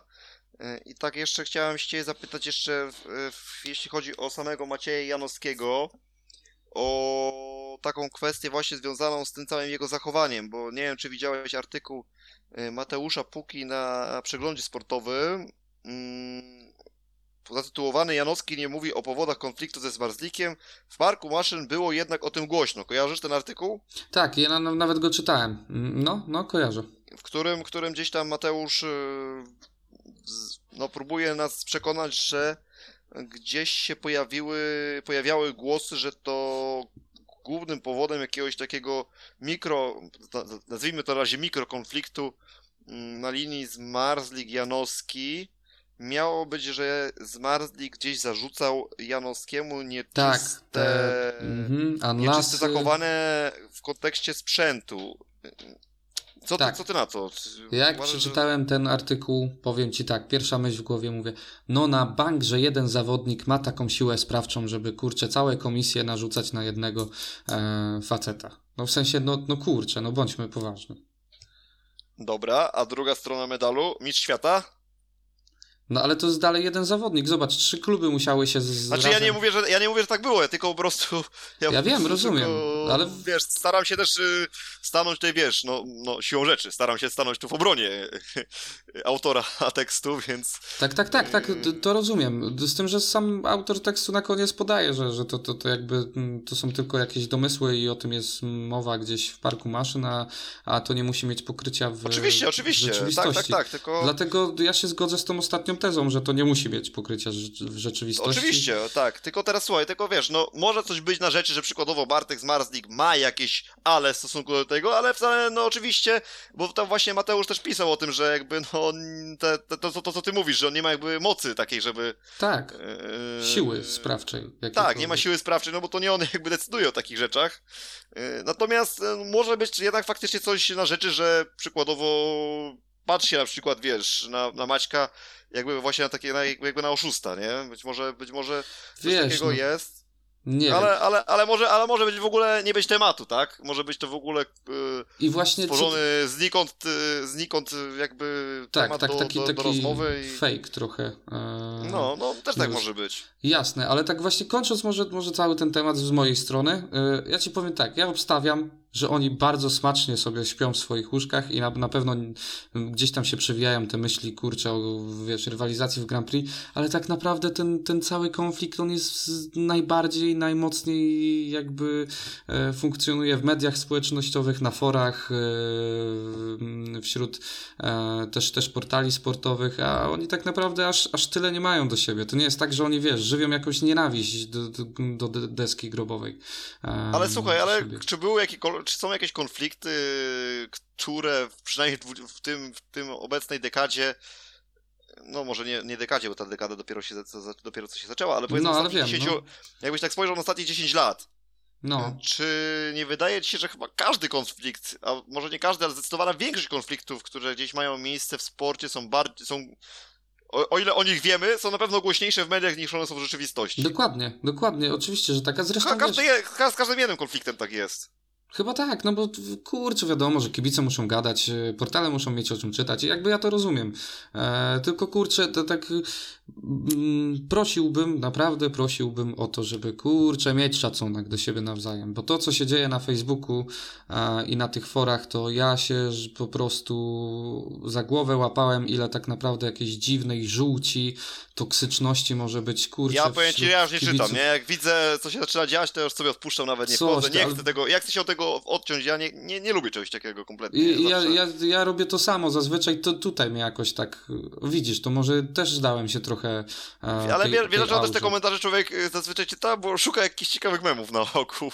Czy No, ktoś może takiego, tak. czegoś śmiesznego w tym temacie nie wrzucił i to chyba nas najbardziej skłania do tego, żeby zerknąć co tam w tych komentarzach Może piszcie, tak. aczkolwiek z drugiej strony też nam to daje powiedzmy jakiś obraz, jak ludzie zareagują na dane, I na Bardziej dane o to mi chodzi. zjawiska. Ja, ja tam wchodzę po to, żeby zobaczyć, jaki jest, wiesz, taki feedback społeczeństwa. em, To jest jedna, jeden, jeden rzecz, ale y, po memy też często zaglądam. No, no, no, no tak, jak, tak. Memy to wiesz, awangarda żużlowa, to, to, to, e, to, to jest gdzieś tam moje miejsce bardziej na, na, na memy, em, więc pozdrawiamy awangardę, o ile ktokolwiek tego słucha, ale co, myślę, że chyba finał Impu, d- no koniec końców trzeba powiedzieć, no Bartek w końcu będąc dwukrotnym mistrzem świata został mistrzem Polski, to się nie zdarza w sporcie zbyt często, żeby, żeby było na odwrót, żeby ktoś najpierw Tak. był mistrzem świata, później mistrzem Polski. Um, ma ten tytuł i, i widać było, jak się cieszył z tego tytułu, że bardzo, bardzo mu to się działo w głowie, e, że jeszcze tego, tego krążka złotego nie ma. Y, Dokładnie, dokładnie. I powiem ci, że było widać, jak w ogóle w tym finale tym zawodnikom niesamowicie zależało na tym tytule. Był, Zobacz, jak oni tam, jak oni tam zażarcie walczyli, tam była taka prawdziwa wola y, zwycięstwa. Tam Tak. każdy chciał to, to, to, tą wygraną sobie wyszarpać. Tak. To naprawdę było zupełnie coś innego. niż Nawet, y, nawet Sek, który y, y, był finał Seku, zwróć uwagę, że Mikkel Mikkelsen wcale jak bardzo mocno się przed Leonem Madsenem w tym finale nie Nie bronił. bronił. Drugie miejsce też mu dawało oczywiście tytuł. Yy, jakby, no może nie, że przepuścił tego Leona Madsena, ale tam nie było takiej, takiej zawziętości. A tutaj było to widać. No Bartek tam poszedł z takim pazurem. No, Yy, tam było, yy, było. Maciek Janowski się odsunął, ale też jakby A tam Janek. Kołodziej już był, nie? Janek Kołodziej też I ten Krzysiu z przodu. No ten, no ten bym powiedział nawet biedny Krzysiu. No, nie wiedział gdzie jechać, nie? W tym wszystkim. E, Fajny, fajny był ten bieg finałowy, to było kurcze palce. Ale zawody były całkiem przyjemne. Tam Tak, było były. więcej takich ciekawych e, elementów. Nawet powiem ci, taki, taki Oscar Pfeiffer też miał swoje Tak, 5 minut, Oscar. gdzie, To gdzie tam taki przyjechał w jednym plus. biegu przed, przed Woźniakiem, y, Nowakiem i dodatkowo Grzesiem Walaskiem. No to dobra, Tak. no może ten Grzesiek to... Grzesiek to ogółem jest takich gości, który jak ma dzień, To to, to wa- sypie trójkami, a jak nie ma dnia, to sypie zerami. On no, i rzadko bywa taki, wiesz... y, Tak. On rzadko bawi się w płótki, tak to nazwijmy. Tak, tak. Ewentualnie troszkę in minus, minimalnie, nie mówię, że jakoś bardzo, ale Paweł Przedpełski. Spodziewałem się trochę więcej po, po, po Pawle, tym bardziej po tym, co pokazuje w lidze. A po Kubie Miśkowiaku 4-0? I Kuba? Miśkowiak, właśnie mówiłeś o tym seku i ten sek jestem w stanie w 100% jakby zrozumieć. Bo ja jeszcze miałem właśnie, bo ja też miałem właśnie też te wyobrażenie tego, yy, niedosytu po Kubie Miśkowiaku właśnie przez pryzmat jeszcze tego, Przez tych IMP. zawodów niedzielnych, właśnie tego Mhm. Mistrzostw Polski indywidualnych, gdzie też Kuba się zaprezentował, no powiedzmy wprost, no słabo się zaprezentował. Mhm, mhm. Em, no po tej drugiej trójce mówię jest, wrócił. Em, w sensie po drugiej trójce, po No, drugim biegu, przepraszam, swoim. Słuchaj, on pokonał y, Wiktora Lamparta w swoim tym biegu i dwóch zawodników jeżdżących y, w pierwszej lidze. Jasne, ale w sensie trójeczka, nie? I tak mówię, dobra, wrócił na dobre tory, a się okazało, że... Tak, tak, tak, do ja ciebie rozumiem o co ci chodzi, nie? Tylko no właśnie później jednak się okazało, że nie wrócił. No i Ale na Wiktor Lampart Szym, chyba... Wyjść A, a, a Wi- Wiktor Lampart na plus, co? Tak, zdecydowanie na plus, no pewnie, że tak. Kurczę, jeszcze w barażu brał udział, jak dobrze pamiętam, więc... więc, więc Ale zabrakło ekstra. też kilku, kilku fajnych zawodników, myślę, w tym finale, nie? Że No, jednak taki, Pewnie Patryk taki Dudek, czy- taki Dudek, Mhm. Protas, myślę, że tam trochę też by mogli kolorytu dołożyć. Ja mówię to oczywiście ze strony zielonogórskiej, no bo Zielona Góra nie miała żadnego reprezentanta w tym finale, więc y, Nietypowo, myślę, że nie? właśnie chociaż jednego zawodnika tutaj z Zielonej Góry brakowało, chociażby dla mnie, żebym ja też miał jakiś, Tak, tak, jakąś tak. nutkę, nutkę emocji. Mm, No na pewno gdyby był Adrian Miedziński też by tutaj nam trochę tych, y, myślę, wrażeń zapewnił. On zapewnił później, we wtorek. Mm, zaraz sobie przejdziemy do tego tematu, bo, bo e, jest o czym mówić. No i Ale że to nie on był sprawcą głównych kolizji. kurczę, i że on dojechał w tym 15 biegu e, pod taką presję. Nie, no dobra, teraz, teraz my jesteśmy zbyt. e, Zobacz, Uszczypliwi. innych, innych.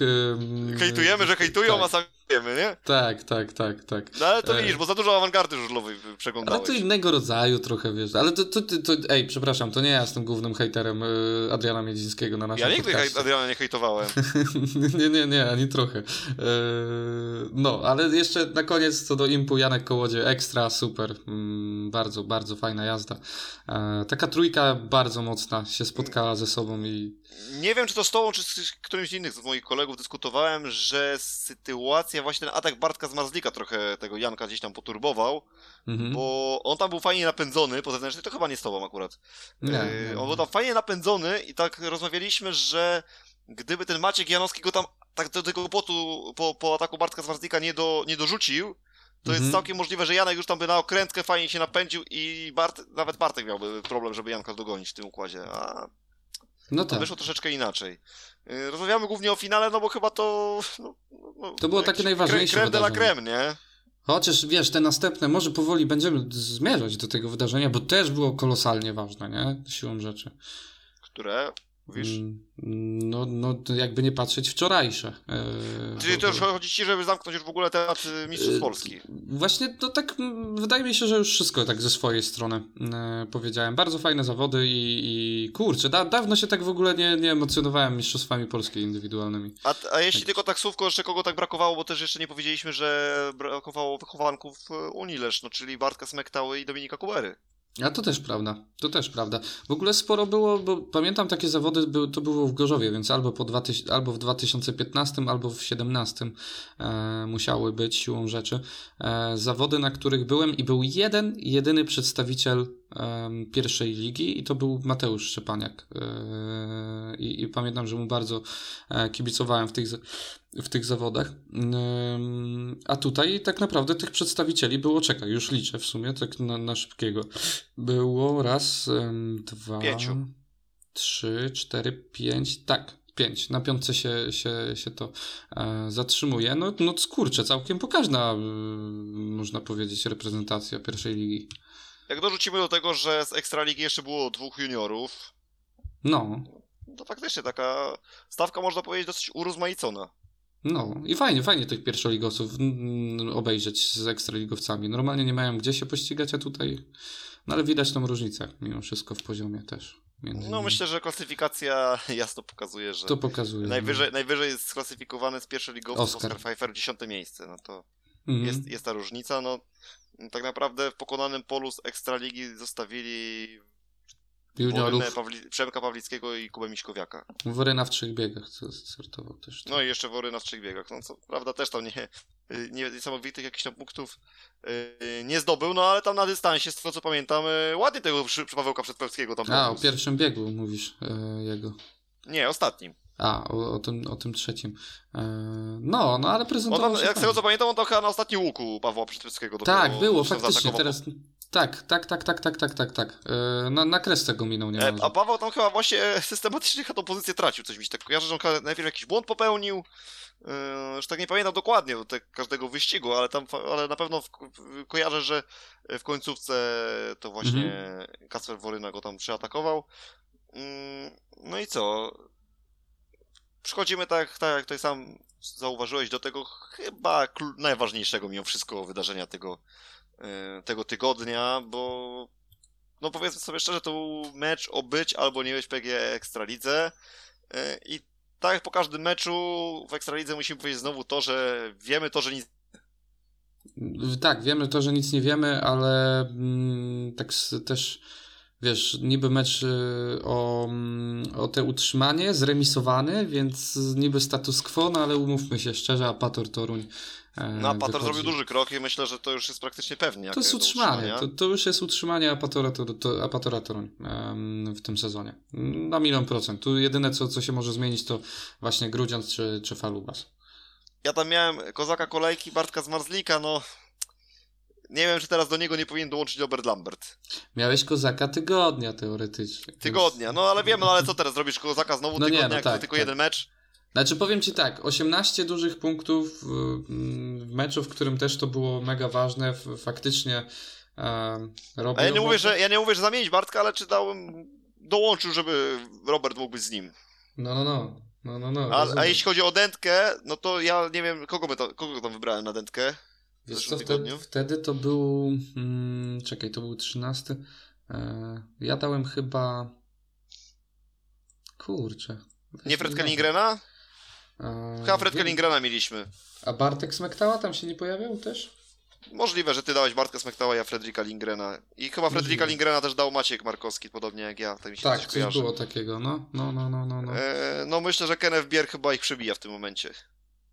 No, w sumie faktycznie nie pokazał się z dobrej strony. Nie pokazał się bardzo, z, znaczy z bardzo niedobrej się pokazał.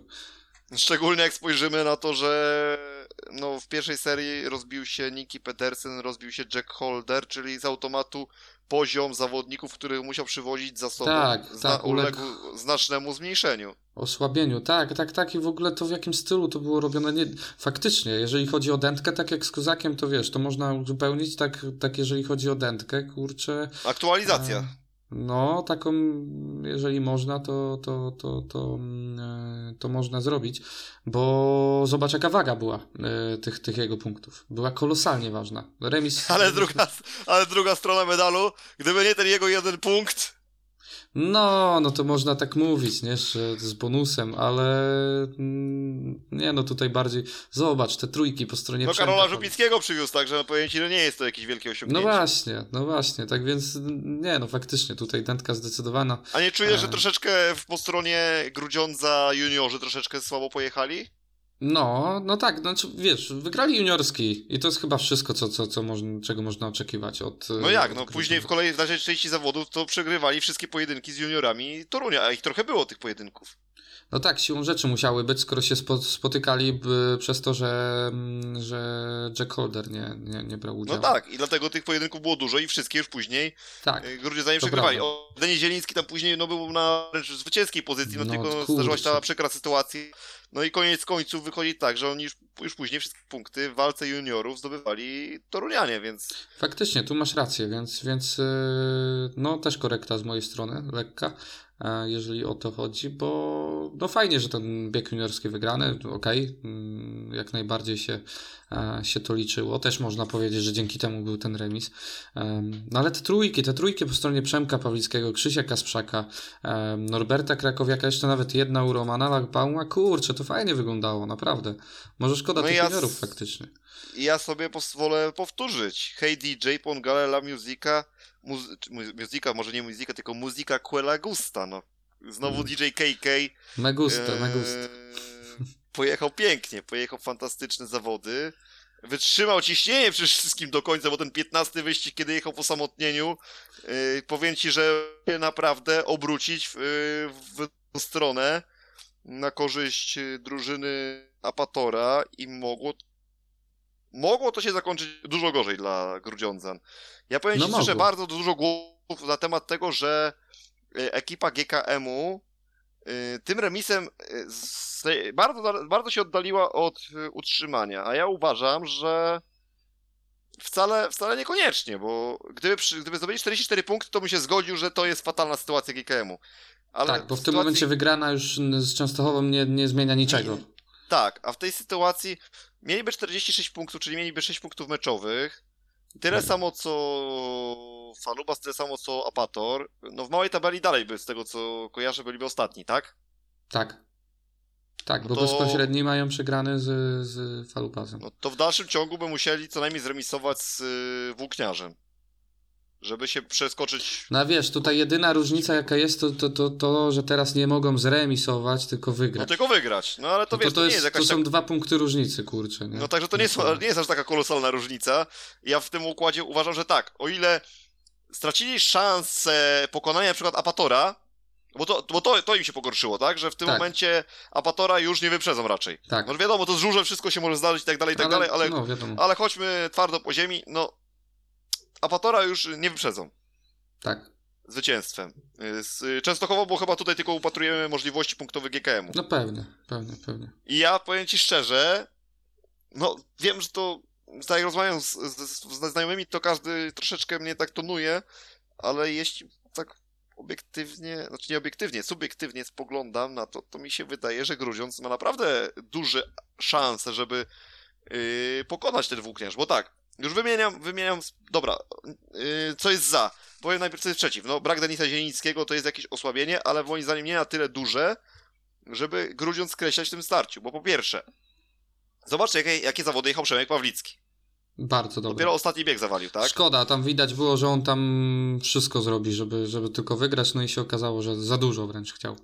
Krzysiek Kastrzak dwa razy w trudnych, ważnych zawodach no jedzie na poziomie tego starego, dobrego KK'a. Kurczę, nie no, 12 plus 1 to jest jak, jak miód na moje oczy. Roman Lackbaum, no to większość punktów oczywiście gdzieś tam w starciach z młodzieżowcami, no ale też gdzieś musiał poszarpać na, na dystansie, nawet, nawet chociażby jak Krzyśka Lewandowskiego na ostatnim łuku wyprzedzał. Yy, w swoim biegu otwarcia też Adriana Miedzińskiego pokonał. Do tego niesamowity, no niesamowity Norbert Krakowiak, powiedzmy sobie. No naprawdę kapitalny występ, dopiero też w 14 gonitwie, dopiero w biegu nominowanym. Tak naprawdę wyścig nieudany, bo te wcześniejsze cztery, no to, no to stracił tylko po, dwa razy po punkcie na bezbłędnym Robercie Lambercie, no tak więc... Mhm. No, żabki z głów dla Norberta to jego pierwszy występ dwucyfrowy w karierze w Ekstralidze, także naprawdę wielkie gratulacje z tego miejsca dla niego. No i powiem Ci tak, Niki Pedersen, jestem pewny, że on no, do meczu z Włókniarzem i ogółem do tych meczów, które po, będą po przerwie, to on wróci na motor i on będzie dalej jeździł. Wydaje mi się, że w dyspozycji wcale nie będzie jakiś dużo gorszy niż był przed tym upadkiem. I teraz konfrontując to z Częstochową, Jakub Miśkowiak, no zobacz, dwa razy te, te zawody jechał na weekend, no, no nie poszło mu. I pytanie, czy też troszeczkę ta forma delikatnie nie schodzi w dół w przypadku Kuby Miśkowiaka. No w jakim no. stopniu chyba mimo wszystko schodzi. No dalej jest to, wiadomo, nie, trochę no poczekajmy może. na jeszcze jeden mecz ekstraligowy. Tak, bo, tak, bo... wiadomo, że teraz trochę wróżymy z fusu, bo to jest 14 kolejka, to o czym mówimy, ostatnia w fazie zasadniczej. No ale wydaje się, że tam gdzieś, tak, dalej Fredka Lindgren, no po tym ostatnim meczu i ogółem no, wiemy, jak jest taki jest taki, jest taki chimeryczny, nie, nie można obstawiać ciemno, że on zrobi dobry wynik. Kasper Woryna tak samo chimeryczny, którego też się nie można spodziewać, aczkolwiek tak jest dużo lepiej niż było na początku Nie no, chociaż wybuch, no bo potrafi te dwupunktówki nawet przywozić, więc... Tak, dlatego mówię, że ale chimeryczny, no w dalszym ale ciągu. Ale chimeryczny, zgadzam się. Bartek Dalej jest Bartek Smektała, Smektała to mm. samo. Nic, nic pewnego. Szczególnie no. na meczach wyjazdowych. Więc Tutaj no ja mamy, ostro... Ale mamy Leona Madsena, nie? No, to, no to, to, oczywiście, no druga strona medalu jest Leon Madsen, który jest w kapitalnej formie i wydaje się, że on pojedzie praktycznie wszędzie i zawsze, chociaż też miał jedną wpadkę w tym sezonie, z tego co pamiętam. Mm, tak, tak, tak. A... Dalej mamy jeszcze Świdnickiego, który też to będzie jakąś języczkiem uwagi w stosunku do właśnie Bartkowiaka. Więc myślę, że tutaj na, raczej, raczej y, juniorzy, no to na pewno tutaj będą jakimś atutem włókniarza, ale Pytanie, będzie ważne pytanie. W jakiej pozycji będzie Włókniarz w 14 kolejce? Czy przy Włókniarz przypadkiem już nie będzie pozbawiony szans jazdy w playoffach? No Słuchaj, bo jeśli no, tak. No, najprawdopodobniej tak będzie. E, tak, tak e, tabela może, może wskazywać na to um, obecnie. Ja mam tylko taką jedną e, kwestię do wywołania, no bo mówimy o 14 kolejce, więc umówmy się, że Niki Patterson raczej już wróci do pełni sił, więc, więc tutaj nie będzie najmniejszego problemu. Niki Patterson, ale on Madsen, tu jest znak równości zdecydowanie, o ile nie wskazanie nawet na, na dzikiego. Tylko pytanie, czy wiesz, Roman Lachbaum, Norbert Krakowiak, y, Przemek Pawlicki, już nie wspominając o juniorach, tak łatwo będą wygrywać z właśnie takim Świdnickim, z takim, z takim e, Miśkowiakiem, z takim właśnie Smektałą, nawet dajmy na to, no bo wiesz, to już nie jest e, Karol Żupiński, Krzysztof Lewandowski, nie? To, to, to, to już są troszkę większe nazwiska. Zgoda, zgoda, zgoda. Tu masz dużo racji w tym wszystkim. Mm, no może, może tutaj też w tym kierunku, jak pójdziemy, to, to, to, to faktycznie... To może być na styku. Refleksja... Ja bym, ja bym może być na styku i to jest naprawdę, ja uważam, że tutaj GKM dalej jest w grze i to bardzo mocno w grze. Y, no chyba, że Falubas zaskoczy i u siebie na przykład mm, urwą punkty Unii Leszno. I w tym no układzie, no tak. niedosy, że w tym, w tym układzie to Grudziądzowi się dramatycznie skomplikuje sytuacja, bo powiedziałbym, że oni wtedy już są kompletnie bez szans. Tak, no zależy, jeśli Falubas tylko zremisuje, nie, no to i tak już są.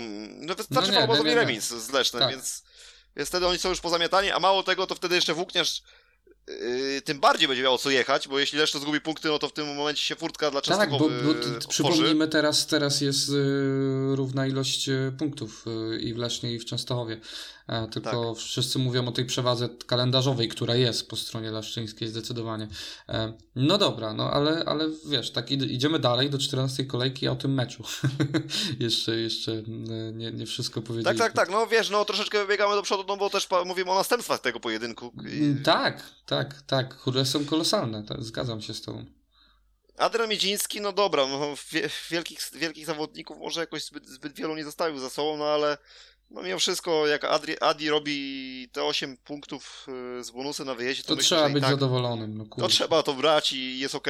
Chris Holder, no trochę poniżej no. oczekiwań, aczkolwiek w najważniejszym momencie zrobił swoje. O Jezu, jak ten Lambo go tam wiózł. O Je... no po prostu. Jak tak, było... ale powiem Ci, że to był wzorowa jazda parą. Jak się zastanawiałem kiedyś, y, nawet jeszcze chyba wczoraj przed tym biegiem 14, sobie myślę, jeju, ten Lambert będzie jechał z tym Chrisem Holderem.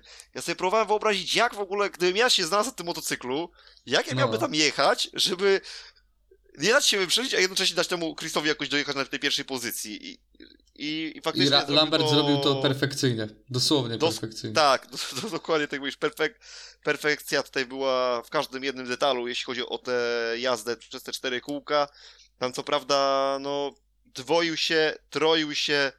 Norbert Krakowiak, żeby coś, coś zmienić, tam Roman Lagman gdzieś tam też yy, próbował nie odstawać, ale no, ale nie dało się chyba wiele. Ja pamiętam taki, taki komentarz, y, to było mm, odnośnie Tomka Goloba, mm, który, który za, za uszy też tak ciągnął chyba jeszcze Łukasza Cyrana, jak dobrze pamiętam, albo Pawła z Marzlika w Gorzowie, że jak, jak sroka pilnująca swoje, mm, swoje pisklęta, E, to był, był, był chyba takie określenie e, u komentatora, który... który... Słuchaj, jeśli chodzi o y, komentatora Macieja Noskowicza, to myślę, że podobne, podobne gdzieś tam porównania się mogą tak. pojawić jeszcze, jeszcze nawet w tym sezonie, więc y, y, włącz, włącz, włącz dźwięk, kiedy będzie pan, pan Noskowicz komentował i, i spokojnie myślę, że jeszcze coś, coś w tym stylu usłyszysz.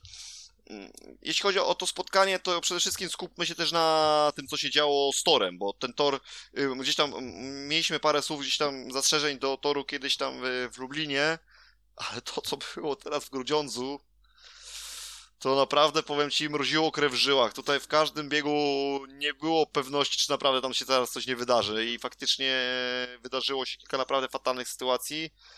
Pierwsza to oczywiście ta z y, tej otwierającej serii, tylko, że tam to nie było pokłosie stanu toru. Mm, to była tak, tak, tak, bardzo... tak, tylko teraz, y, no tu, tu racja, zwracam honor, przepraszam za, za jakąś tam moją pomyłkę, y, bo troszeczkę, ja też miałem w głowie teraz y, też sytuację właśnie związaną z... Z Denisem. Z Denisem Zielińskim. Oprócz tego wiele razy tych zawodników tam podrywało. No myślę, że Pawlicki to też było troszkę, troszkę też ten temat. Mm, ten upadek Pawlickiego w ostatnim biegu. I Paweł, Paweł przecież też y, w jednej sytuacji, kiedy stracił przecież na tym punkty, prawda? Nie wiem, czy kojarzysz Mhm. też go tam Tak, y, tak, tak, ciągnęło. Y, I generalnie no, ten tor był fatalny, a jeśli chodzi o sytuację, tak jak to mówisz, to zgadza się, że to może niekoniecznie pokłosie y, warunków torowych, tylko tej, no takiej, tej, tej, takiej kanapki, która tam powstała. I w I ogóle ja się zastanawiam, trochę czy się zgadzam z Mirkiem Jabłońskim. Czy Szczerze się mówiąc. zgadza y, w kontekście wykluczenia, czy, czy czego? Ta, w sensie, że, że Mirek y, tak jak twierdził, że, że, że tutaj powinna być czteroosobowa mm, jakby powtórka w czteroosobowym składzie i wiesz co, nie wiem, czy bym się nawet bardziej nie przychylił, nie przychylał do tej opcji. A powiedz mi, bo to ja tak powiem ci szczerze, ja byłem w pracy, kiedy te, ten, Mhm. ten bieg jeszcze się odbywał, ja do dziś go tam na telefonie próbowałem To obserwować. czekaj, już, już ci po- powiem argument, jaki on dał, że, że, że Tylko, wiesz, tylko powiedz mi jedną rzecz, czy to jeszcze było na pierwszym łuku na pewno? No to było jeszcze na pierwszym łuku, słuchaj. Moment, mo, inaczej. Moment, Trzeba, w którym... wiesz co, bo trzeba teraz interpretować, y, sprawdzić, y, otworzyć y, regulamin i sprawdzić, Gdzie w się którym kończy. momencie kończy się pierwszy łuk.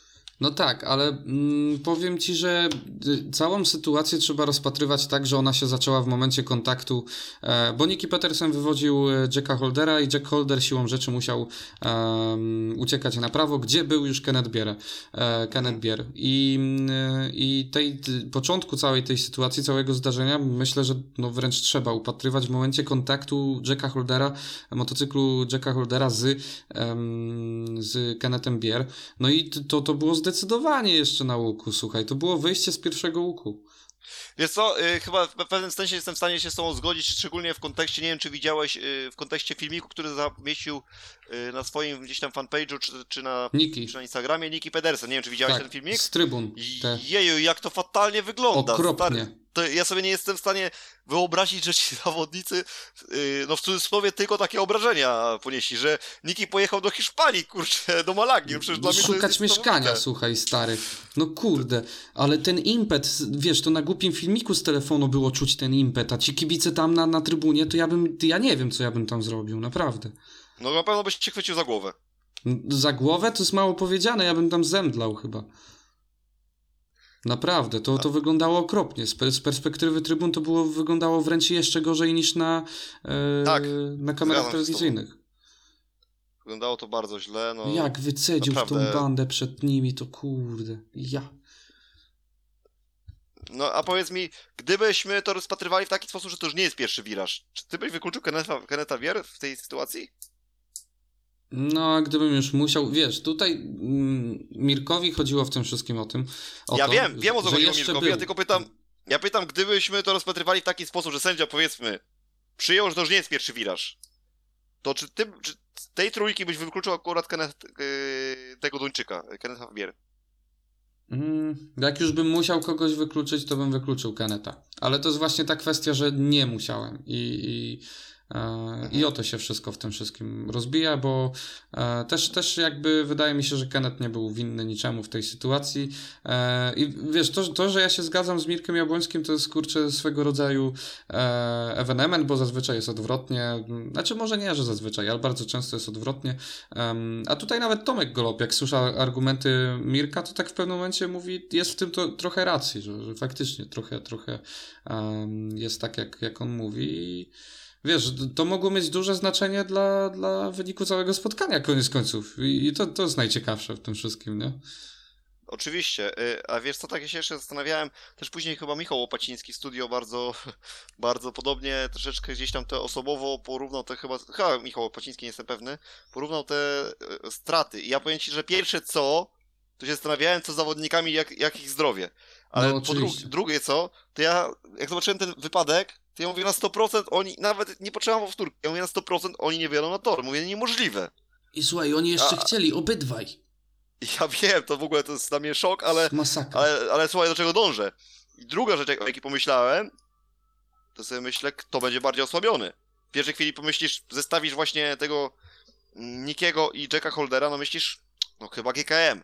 Ale właśnie zanim Ale to w ogóle w studio... program- w, tak, zanim, zanim to w studio zostało poruszone, to ja już w głowie miałem, ty, no ale przecież tu Norbert Krakowiak pojedzie za Nikiego, Tak. tu będzie jechał Lewandowski z Żupińskim. Mówię, nie, to jednak Toruń jest w bardzo złej sytuacji.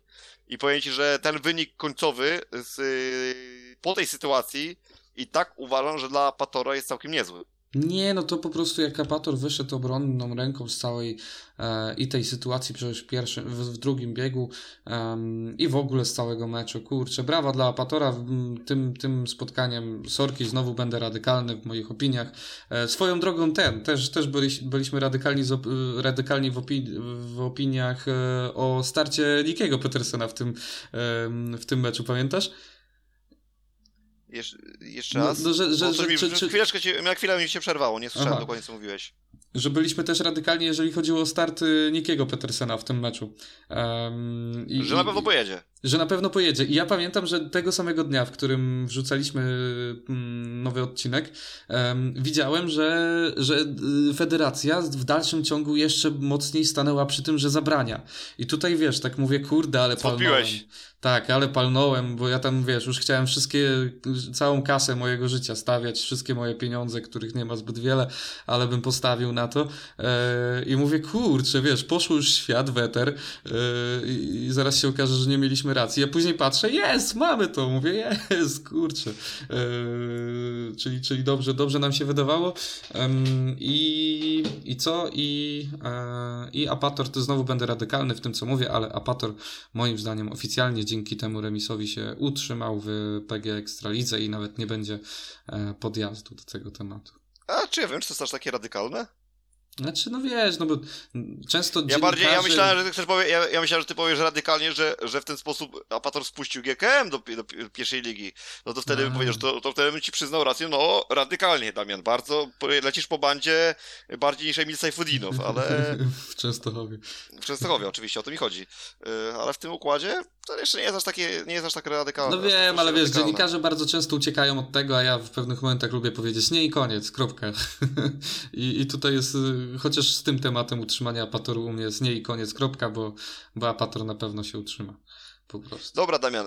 Ym, Wydaje mi się, że z grubsza o tym meczu tak. powiedzieliśmy dużo, a jeszcze chcieliśmy jeden wątek poruszyć, więc może e, już zmierzajmy w tym kierunku. E, otóż e, powiedzmy, co się będzie działo teraz ten weekend. Chyba każdy wie, tak, z fanów żużla, więc nie za wiele nie trzeba tak naprawdę tutaj wprowadzenia a co się będzie działo? tworzyć. No oczywiście będą miały miejsce dwie rundy cyklu Grand Prix w czeskiej Pradze. No tak, faktycznie. No, ale dla, ja wiem że, wiem, że się droczysz, ale tak y, dla no formalności wiem, nie, no, ale ja się specjalnie zapytałem, żeby, żeby wiesz, że jeżeli ktoś nie wie, żeby, to żeby, żeby wyciągnąć informacje ze mnie, oczywiście. Tak, tak, tak. Y, I teraz y, powiedz mi, czy ty pamiętasz, no czy, no, czy ty na pewno pamiętasz, kto wygrał, ale czy pamiętasz całą obsadę tych dwóch rund zeszłorocznych y, w Ale że finałów, czy, czy, czy co? Y, nie, y, skład podium, czy pamiętasz, jednego i drugiego? Skład podium. E, no czekaj, no dwa razy był Tajów inny za, nie, za, za Bartkiem, jak dobrze tak. pamiętam. I... Bo przecież tego węża od, odwalił w tym drugim dniu e, szalonego, jak to, jak to Dryła powiedział. A, a czekaj, na trzecich miejscach e, pff, czekaj, nie, nie, patrzę, żeby nie było, nie patrzę na nic kompletnie. raz był raz był Magic Janowski? Nie? Nie wiem. Nie. Nie. Leon Madsen? Yy, Waculik i Jason Doyle. Jason Doyle, tak, co Doyle, ten wypadek taki okropny w, w, drugim, w drugim dniu, um, co go tak przekoziołkowało przez motocykl. Dobra, faktycznie, no, masz rację. Yy, bardzo, bardzo prawdopodobne, że faktycznie mam tą rację, nie, nie, będę, się, nie, nie będę mówił, że nie.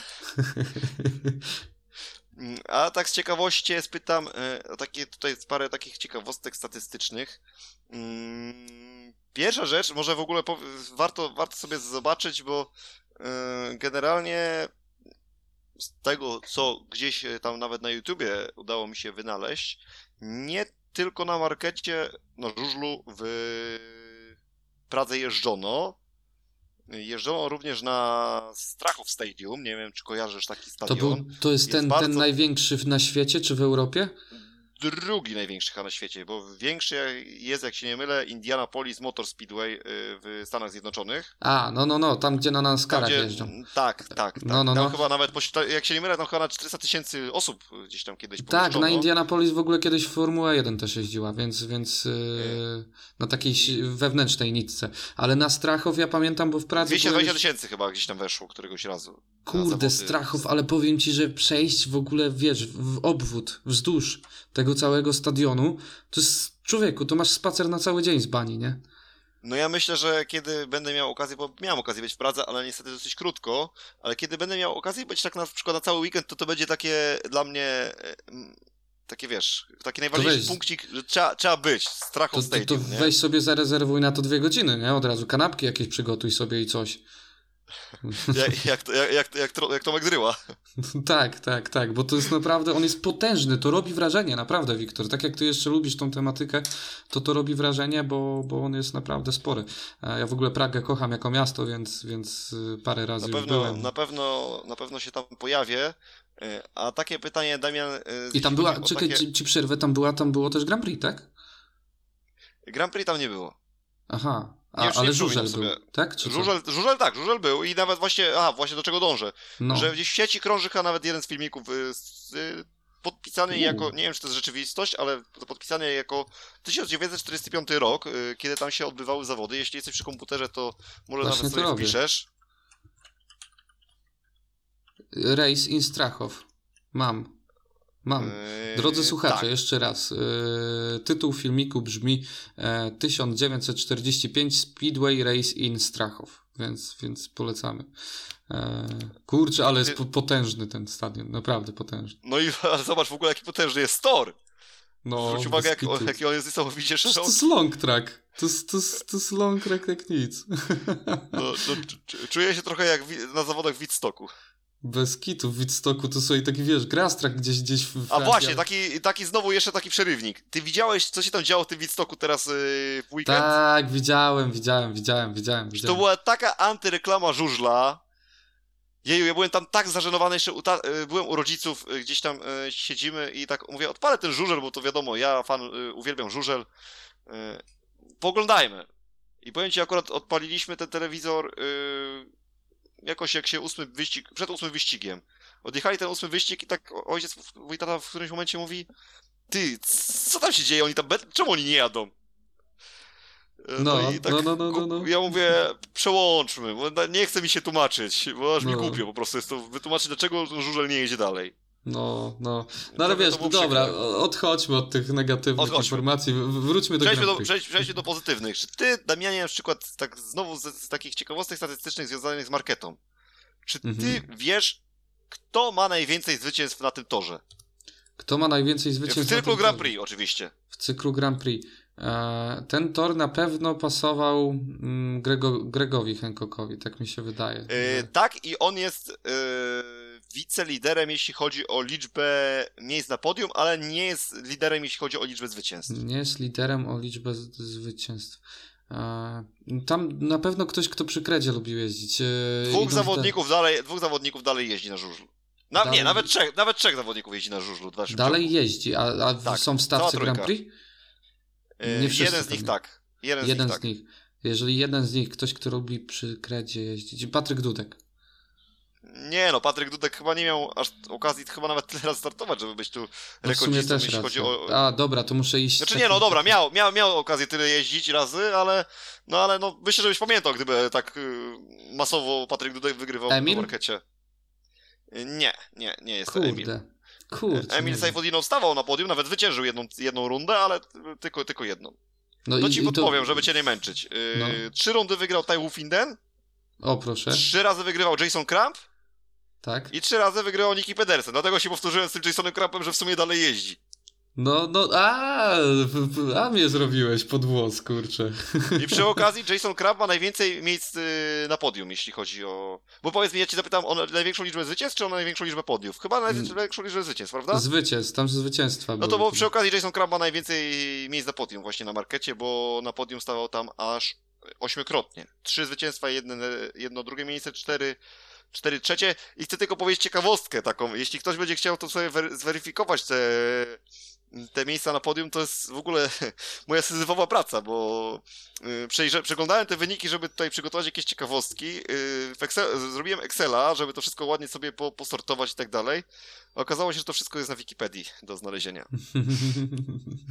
No Tak cóż, więc- no, ale przynajmniej cóż. miałeś satysfakcję, że sam to zrobiłeś i mogłeś sprawdzić No, z dużo większą, gdybym nie znalazł tego na Wikipedii, że jest strzepione. Ale mogłeś sprawdzić, czy wiesz, czy to jest prawidłowa informacja chociaż. No, tak, jeśli będziemy uznawać za wiarygodne źródło informacji Wikipedię, to, to tak. To, to teraz już, dro, drodzy słuchacze, możecie uważać jako wiarygodną chociaż tą informację, bo e, Wiktor własnoręcznie... Ale, ale, e... ale to też ja zrobiłem, więc miejcie w dalszym ciągu dystans. Dobra, dobra, ma, ma, macie pewność już teraz. E, no, no ale, ale już, już idąc do, do takiego e, punktu docelowego w tej całej tematyce Grand Prix, zaczynamy, mhm. tak jak wspominałeś, zaczynamy od podwójnej rundy w Pradze, e, już teraz na, na ten weekend weekend, piątek, sobota. No i to chyba takie główne, jedno, pojedyncze pytanie, które się, się gdzieś tam e, w głowie e, pojawia. Kto będzie w tym roku mistrzem świata, Wiktor? Hmm. Bardzo trudne pytanie. Bardzo trudno, wiem. Myślę, że ten, ten o którym już dzisiaj dużo, dużo mówiliśmy, czyli Krzysztof Kasprzak. Tak, Krzysztof Kasprzak, ale w, ja mam nadzieję, że on tam kurczę, wiesz, coś, coś zrobi, coś poszaleje, gdzieś tam zam, Ja myślę, że myślę, że może, może którejś rundzie gdzieś tam w stryczek y, hej, no, w nos hejterom yy, strzelić, ale tak całkowicie poważnie, no to dobra, Krzysiek Kasprzak on może różne rzeczy zrobić, bo to jest, yy, teraz pokazał, że coś łapie wiatr żagla, ale też tak jak mówi, mówiłeś, yy, jedna jaskółka wiosny nie czyni, to jak w tym wypadku może dwie jaskółki, ale to jeszcze poczekajmy, Mm, to, Wiktor, to, to wiadomo, ja też... powiedziałem to po żartem, po serio, a tak poważnie, no to wiadomo, wydaje się, że głównymi faworytami mimo wszystko są Bartek Zmarzlik, Maciej Janowski, dlatego tak też nas elektryzowała ta walka ich y, w, indywidualnych mistrzostwach Polski, nie? Ja to nawet do kumpla mówię, to jest stary to jest preludium. To jest preludium do tego, co się już, już będzie w Pradze działo.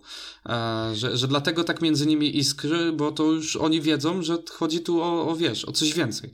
E, Słuchaj, Bartek Zmarzlik miał do zeszłego sezonu w ogóle miał fatalne liczby w tej, tej, tej Pradze. W zeszłym roku pamiętamy, że o, zakazaliśmy się, jak ją odczarował w niesamowitym stylu. E, dwa zwycięstwa, ale powiem ci jakoś, nie wiem, ten Maciek Janowski, w ogóle ta geometria tego toru, Jakoś mam wrażenie, że mi ten Maciej Janowski pasuje do tej markety, nie? Tak. Dlaczego? Zresztą sam, gdzieś tutaj, zresztą sam gdzieś zasugerowałeś, że on może mieć tych zwycięstw tak dużo tutaj, prawda? Tak, tych, tak, tak, bo on mi, on mi też do Pragi pasuje. W ogóle jak jechaliśmy do Pragi z całą ekipą, e, wszyscy się, znaczy wszyscy jakby się cieszyli, a ja się po głowie drapałem, bo mówię, kurczę, to już jest naprawdę końcówka. Ten Tajf Ufin siedzi na ogonie Bartkowi, e, a wiem, że Taj bardzo lubi jeździć w Pradze, a Bartek nienawidzi i wiesz, i przyjechał i jak to Dryła powiedział, najechał Praga nie biorąc żadnych jeńców i, i się bardzo zdziwił zdziwiłem, um, ale już nas troszkę czas goni, dlatego ja trochę chamsko się właśnie czu, czuję, czułem z tym pytaniem, kto zostanie mistrzem świata. Oczywiście, że tego nie wiemy, um, ale, ale mm, możemy, może inaczej zróbmy. Wiesz, ja, myślę, finał... że jeszcze, ja myślę, że tutaj jeszcze może zamieszać Jason Doyle. Właśnie chciałem mówić, w biegu finałowym są, e, jest czterech e, zawodników, to ograniczmy po prostu, nie mówiąc kto na którym miejscu, ale kogo obstawiasz w pierwszej czwórce po prostu mistrzostw świata? I, I to będzie takie pytanie. Słuchaj, z Marzlik Janowski to myślę, że żadnej niespodzianki nie ma. Jasne. Y, do nich dorzucam Jasona Doyla. I czwarty tutaj rozważam między trzema zawodnikami. Jest to Taiwu Finden, Martin Waculik i Leon Madsen. Mhm. Mm. Wiesz co? Daj mi się chwilkę zastanowić. Jasne. Bo tak, no myślę, że tutaj ta trójka chyba z takimi najpoważniejszymi kandydatami. Bo jeszcze ktoś powie Artiom Łaguta, ale już kilka razy mówiłem, że mnie Artiom jakoś widzisz, nie przekonuje. właśnie to jest, to, jest, to jest ten zawodnik, którego ja bym tutaj upatrował. Ja, ja właśnie jakoś mnie, mnie Artiom jakoś nie przekonuje i ja myślę, że z tej, y, z tych wszystkich jednak bym tutaj stają na Leona Matsena. Na Leona Madsena. E, no dobra, to, to ja nie będę oryginalny, w, w zupełnie nie będę oryginalny, ale jak ktoś się mnie, znaczy sam siebie w sumie w tym przypadku pytam, e, kto, będzie, kto będzie w pierwszej czwórce. E, Bartosz Zmarzik, Tajów, Finden, Maciej Janowski, Leon Madsen. No, no przepraszam, ale, ale po prostu idę e, tym, co uważam. J Jason Jeszcze raz, jeszcze raz po kolei. E, znaczy nie po kolei, ale w pierwszej czwórce. Zmarzlik, Ufinden, e, Janowski i Madsen. E, to jest moja pierwsza czwórka, czyli bardzo nieoryginalnie. Czyli, bardzo... czyli różnimy się tylko Ty Ufinden, Jason Doyle. Dokładnie tak, dokładnie tak. I właśnie z drobnym zaznaczeniem, gdzieś tam, wiesz, punkcik uwagi przy Artiomie Łagucie, który wydaje mi się, że będzie piąty. Będzie, no może być piąty, moim zdaniem. Jakoś do, nie widzę tego do, I Doyle dopiero szósty. No, być może, wiesz, jeszcze mamy Marcina Waculika, który jest kurczę silny. Właśnie Waculik też, te, też gdzieś tam, ale jakoś myślę, że... Emil. To nie jest słaba obsada, Nie, się tak e- Emil. Emil nie wygląda na takiego zawodnika, który był w jakiejś e, wielkiej formie. Zresztą Emil nie jest jakimś hegemonem e, cyklu Grand Prix. Zobacz, że on startuje w Grand Prix już kurczę od chyba 2008 czy 2009 roku. No faktycznie. I, ma, I na pewno zdobył I ma medal chyba tylko dwa, dwa brązowe medale? I na pewno ten pierwszy brązowy medal zdobył w swoim debiutanckim sezonie, gdzie był jeszcze juniorem. E, to, to, to pamiętam. No, no czyli w 2009 chyba tam debiutował. No i, i więc- wraca, wraca nam Robert, Robert Lambert do, do stawki Grand Prix. E, Ale jego i- tu nie opatrywał w, w Jasne. kategorii faworytów. Tylko jedno, co bym chciał zaznaczyć, to już nie jest ten Robert Lambert, który wiesz, y, woził ogony w, y, w tym sezonie swoim pierwszym Grand Prix. To już jest troszkę taki pan Robert Lambert, który naprawdę też może gdzieś tam nie, nie jednemu zawodnikowi e, uprzykrzyć życie. Swoją drogą powiem Ci, że bardzo się cieszę, że się pojawił drugi Brytyjczyk, który coś będzie znaczył w tym cyklu, bo to trochę było nudne, jak był tylko Santai. No tak. Z drugiej strony, no wydaje mi się, że jest pół Szweda, który będzie się liczył, bo no Fredrik Lindgren trochę Mhm. bez formy. Yy, No oczywiście, jest to medalista zeszłoroczny, ym, w związku z czym no daje podstawy ku temu, aby no uważać, że będzie się liczył, ale coś, ta forma tego Fredrika nie jest, nie jest kolorowa w tym sezonie. Nie jest, nie jest. Ja absolutnie mi się wydaje, że on odpada w ogóle z cyklu. E, nie wiem, czy dzika A karta, na pewno niego- dzika obok- karta. Obok niego jest Oliver Benson, który moim zdaniem nawet w pierwszej lidze nie jest jakimś tam super panem i władcą. Jest takim zawodnikiem raczej solidnym, bardziej solidnym, dobrym niż, niż jakimś wymiataczem, a tutaj jednak będzie No. się ze śmietanką Speedwaya musiał. Tak, tam- tak, tak. No ale trzeba przyznać, że awansował nie przy zielonym stoliku, tylko totalnie z własnych No wyników. tak tak jak i Krzysiek Kasprzak, którego jeszcze myślę, Dokładnie. że dwa miesiące temu to myśleliśmy, że to w ogóle po co on tam będzie robił. Tak, tak, tak. E, więc y, no zobaczymy, ta stawka nie jest właśnie taka słaba, jakby się mogło wydawać. Anders Thompson, no come on, przecież to, to, to jest w porządku miejsce dla niego. E, mi się wydaje, że, że ta szesnastka najlepsza, no to Anders Thompson tu też może e, zadziałać tak w ramach ciekawostki, może kończąc cały, cały ten e, temat, tak się zastanawiam, bo jestem na oficjalnej stronie Speedway Grand Prix e, i patrzę sobie na właśnie zawodników. Przy każdym jest flaga. Nie ma przy dwóch zawodnikach. Zgadnij, który. Ro, rosyjskich. Tak, a ja głupi patrzę, mówię, kurczę, czemu tu flag brakuje? Dopiero później patrzę, kto jest na tych, e, na tych, na tych miejscach, a tu Emil Sajfutinow i Artyom Łaguta, więc, e, więc siłą rzeczy jakby tych flag nie ma. No i cóż, mm, dawno tak na Grand Prix nie czekałem, naprawdę dawno tak na Grand Prix nie czekałem. Będę tą Pragę oglądał z takimi, z takimi wypykami na, na twarzy, że to koniec świata. No to życzę ci, żeby nie zawiodło cię przynajmniej jeśli w kontekście liczby dostarczonych emocji te, te zawody. Tak, o to mi chodzi. Ma, mnie tylko trochę wkurza to, że jest tak dużo pojęci tych y, Podwójnych. w y, Polsce. Y, A. podwójne to jedno i drugie, że, że w Polsce i jeszcze co do flag, to jeszcze zwróć uwagę, że to Gliatti również nie ma flagi, jeśli chodzi o, o Grand Prix.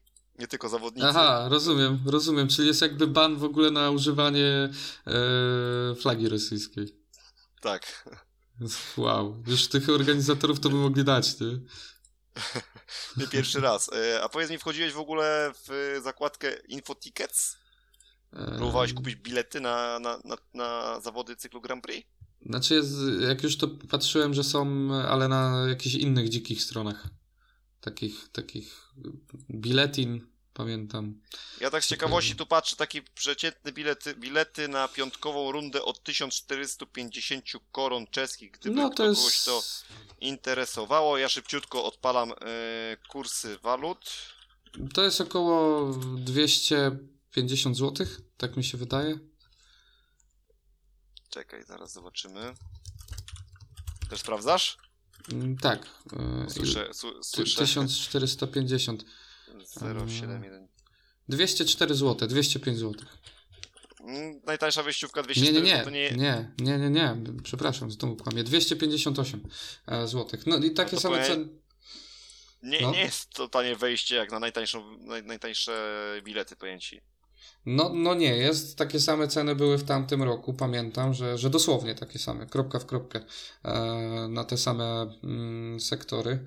Więc no nie, nie są, nie są tanie. A tym bardziej, jeżeli ktoś chce mm, pić piwo na stadionie, to, to, to polecam się zaopatrzyć w dużo koron czeskich, bo, bo jest drogie. po prostu jest drogie. Eee, powiem Ci, Wiktor, jest tak drogie, że po pierwszym dniu, tak jak sobie przewidziałem budżet na e, dwa dni, jeszcze gdzieś tam może z jakimś wysk- wyskokiem do restauracji, e, tak po pierwszym dniu samego picia alkoholu, w sensie piwa na, na stadionie, już musiałem lecieć do, do, do kantoru. więc, więc tak to wyglądało. Ale powiem Ci tylko dla, dla porównania. Ceny biletów na Grand Prix we Wrocławiu oscylowały w cenach normalne 99, ulgowy 79. Zobacz, jaka to jest ogromna różnica. No jest, jest, jest, jest, na pewno to jest. jest. To jest przepaść pomiędzy ceną wejściówki w Czechach, a ceną wejściówki Ale polecam Pragę mimo wszystko. Jeżeli ktoś sobie może na to pozwolić, to, to, to Praga jest ekstra Tak, ale wiesz, tak próbuję wykminić, od, z czego to wynika. Nie wiem, masz, masz pomysł, dlaczego takie ceny są wysokie tam, a Mniej, tak niskie? Mniejsza pojemność stadionu, nie? Mniej się osób zmieści, a... a co? Nie. Marketa ma mniej, mniejszą pojemność stadionu niż yy, stadion Niż Wrocław? Wrocław? No kurde, oczywiście, przecież Marketa ma z parę tysięcy No, miejsc. teraz piszę w sieć, bo... Bo wydaje mi się, że jeśli jest różnica, to niewielka. Na 10 tysięcy już teraz. No, a, a Sparty ma ile? 11. Nie, no teraz po rozbudowie chyba więcej. Nie, nie sądzę. 12 może. No. E, no to wiesz, no zawsze jest trochę mniej.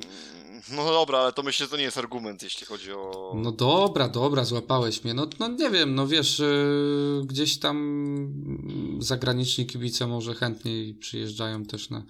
Nie wiem, nie wiem, absolutnie nie wiem. Wiem, że jest Bo najczęściej te- bo powiem wypełniony. Ci, bo powiem ci, że ceny w tym. Mm, ceny, jeśli chodzi o Lublin, też są no, do, około stówki, powiedzmy, za najtańsze bilety. Więc jakby Polska no, oferuje dużo atrakcyjniejsze możliwości niż, No, niż tutaj za granicę. Jeszcze patrzę tak, wiesz co, sobie szybciutko.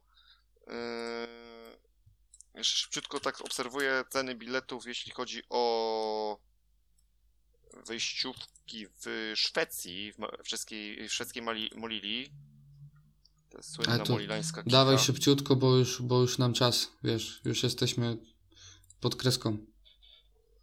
Nie wytwarzaj takiej presji, bo się pomylę. No, no, no dawaj, dawaj, Nie no, dawaj. 230, 234 zł mi to wychodzą za wejściówkę w Szwecji, także W zobacz Szwecji, nie? różnica. Gdzie, no, no. Tylko też trzeba patrzeć na to, że Szwecja nie jest tanim krajem, więc też jakby to, jeśli to weźmiemy pod rozwagę, to też jest Tak, inaczej. Tak, Aczkolwiek Czechy, czy są aż tak droższym krajem? Nie, tam ceny są bardzo podobne w Czechach. e, No też mi się tak wydaje, więc, więc trochę Może troszkę wyższe. E, Jeśli chodzi o cykl Grand Prix, no to co? No to oczywiście ściskamy kciuki za Polaków. E, Tak. Szkoda po, po cichu, że się nie udało Piotrkowi Pawlickiemu albo Patrykowi Dudkowi, tak podsumowując, awansować do cyklu przyszłorocznego, no ale no zobaczymy, może, może coś tam jeszcze się ciekawego zadzieje. Przypomnijmy, że dzika karta na cykl, na te dwie rundy czeskie to pa- padła łupem mm, Jana Kwecha. W końcu, bo ile tego milika można było oglądać. No, dokładnie. Pamiętam, że nawet już o tym rozmawialiśmy tutaj Tak, na, tak, tak. podcaście. Y, A wsparcie, no, y, wsparcie we Wrocławiu, no, czy Polak, czy nie Polak, y, no, różnie można to O rozpatrywać. Jezu, no, no, Sz- paszport ma, no. Nawet jak wejdziesz w Wikipedię, to jest tak opisane Gleb Siergiejewicz Czugunow. Rosyjski i polski żużlowiec. No tak, więc to proszę sobie zinterpretować, czy rosyjski, czy polski po swojemu. Myślę, że, pol, że w tym wypadku polski będzie jeździł pod polską flagą, y, bo pod rosyjską nie może, bo rosyjskiej flagi i tak nie ma w tym, w tym, w tym cyklu. o więc- tyle ma łatwiej. więc o tyle ma łatwiej. Y, A ja tobie, Damian, chyba za dzisiaj już dziękuję. Dziękuję wszystkim słuchaczom za to, że nas y, tutaj, że dotrwali do końca z nami, mimo tego, że dzisiaj było troszkę może mniej metodyki, trochę więcej dyskusji, ze względu na to, że troszeczkę było mniej tego ścigania ligowego. Mam nadzieję, że nie było, nie było wam wcale źle. Myślę, że za tydzień spróbujemy tutaj zaangażować jed, jakiegoś gościa do naszego programu. Yy, No i co? Jeszcze raz dziękuję i do usłyszenia za tydzień. Ja również nie, nie, przedłużam, już i tak wy, wystarczająco przedłużyliśmy. E, dzięki Ci, Wiktor. W, sumie fajny odcinek, mi się podobał, bo, bo e, ligi miało, znaczy ligi nie było, a, a dużo się działo na tych, na tych torach, więc dzięki Ci wielkie również i więc dzięki Wam wielkie jeszcze raz i e, do usłyszenia za tydzień. Hejka! Cześć!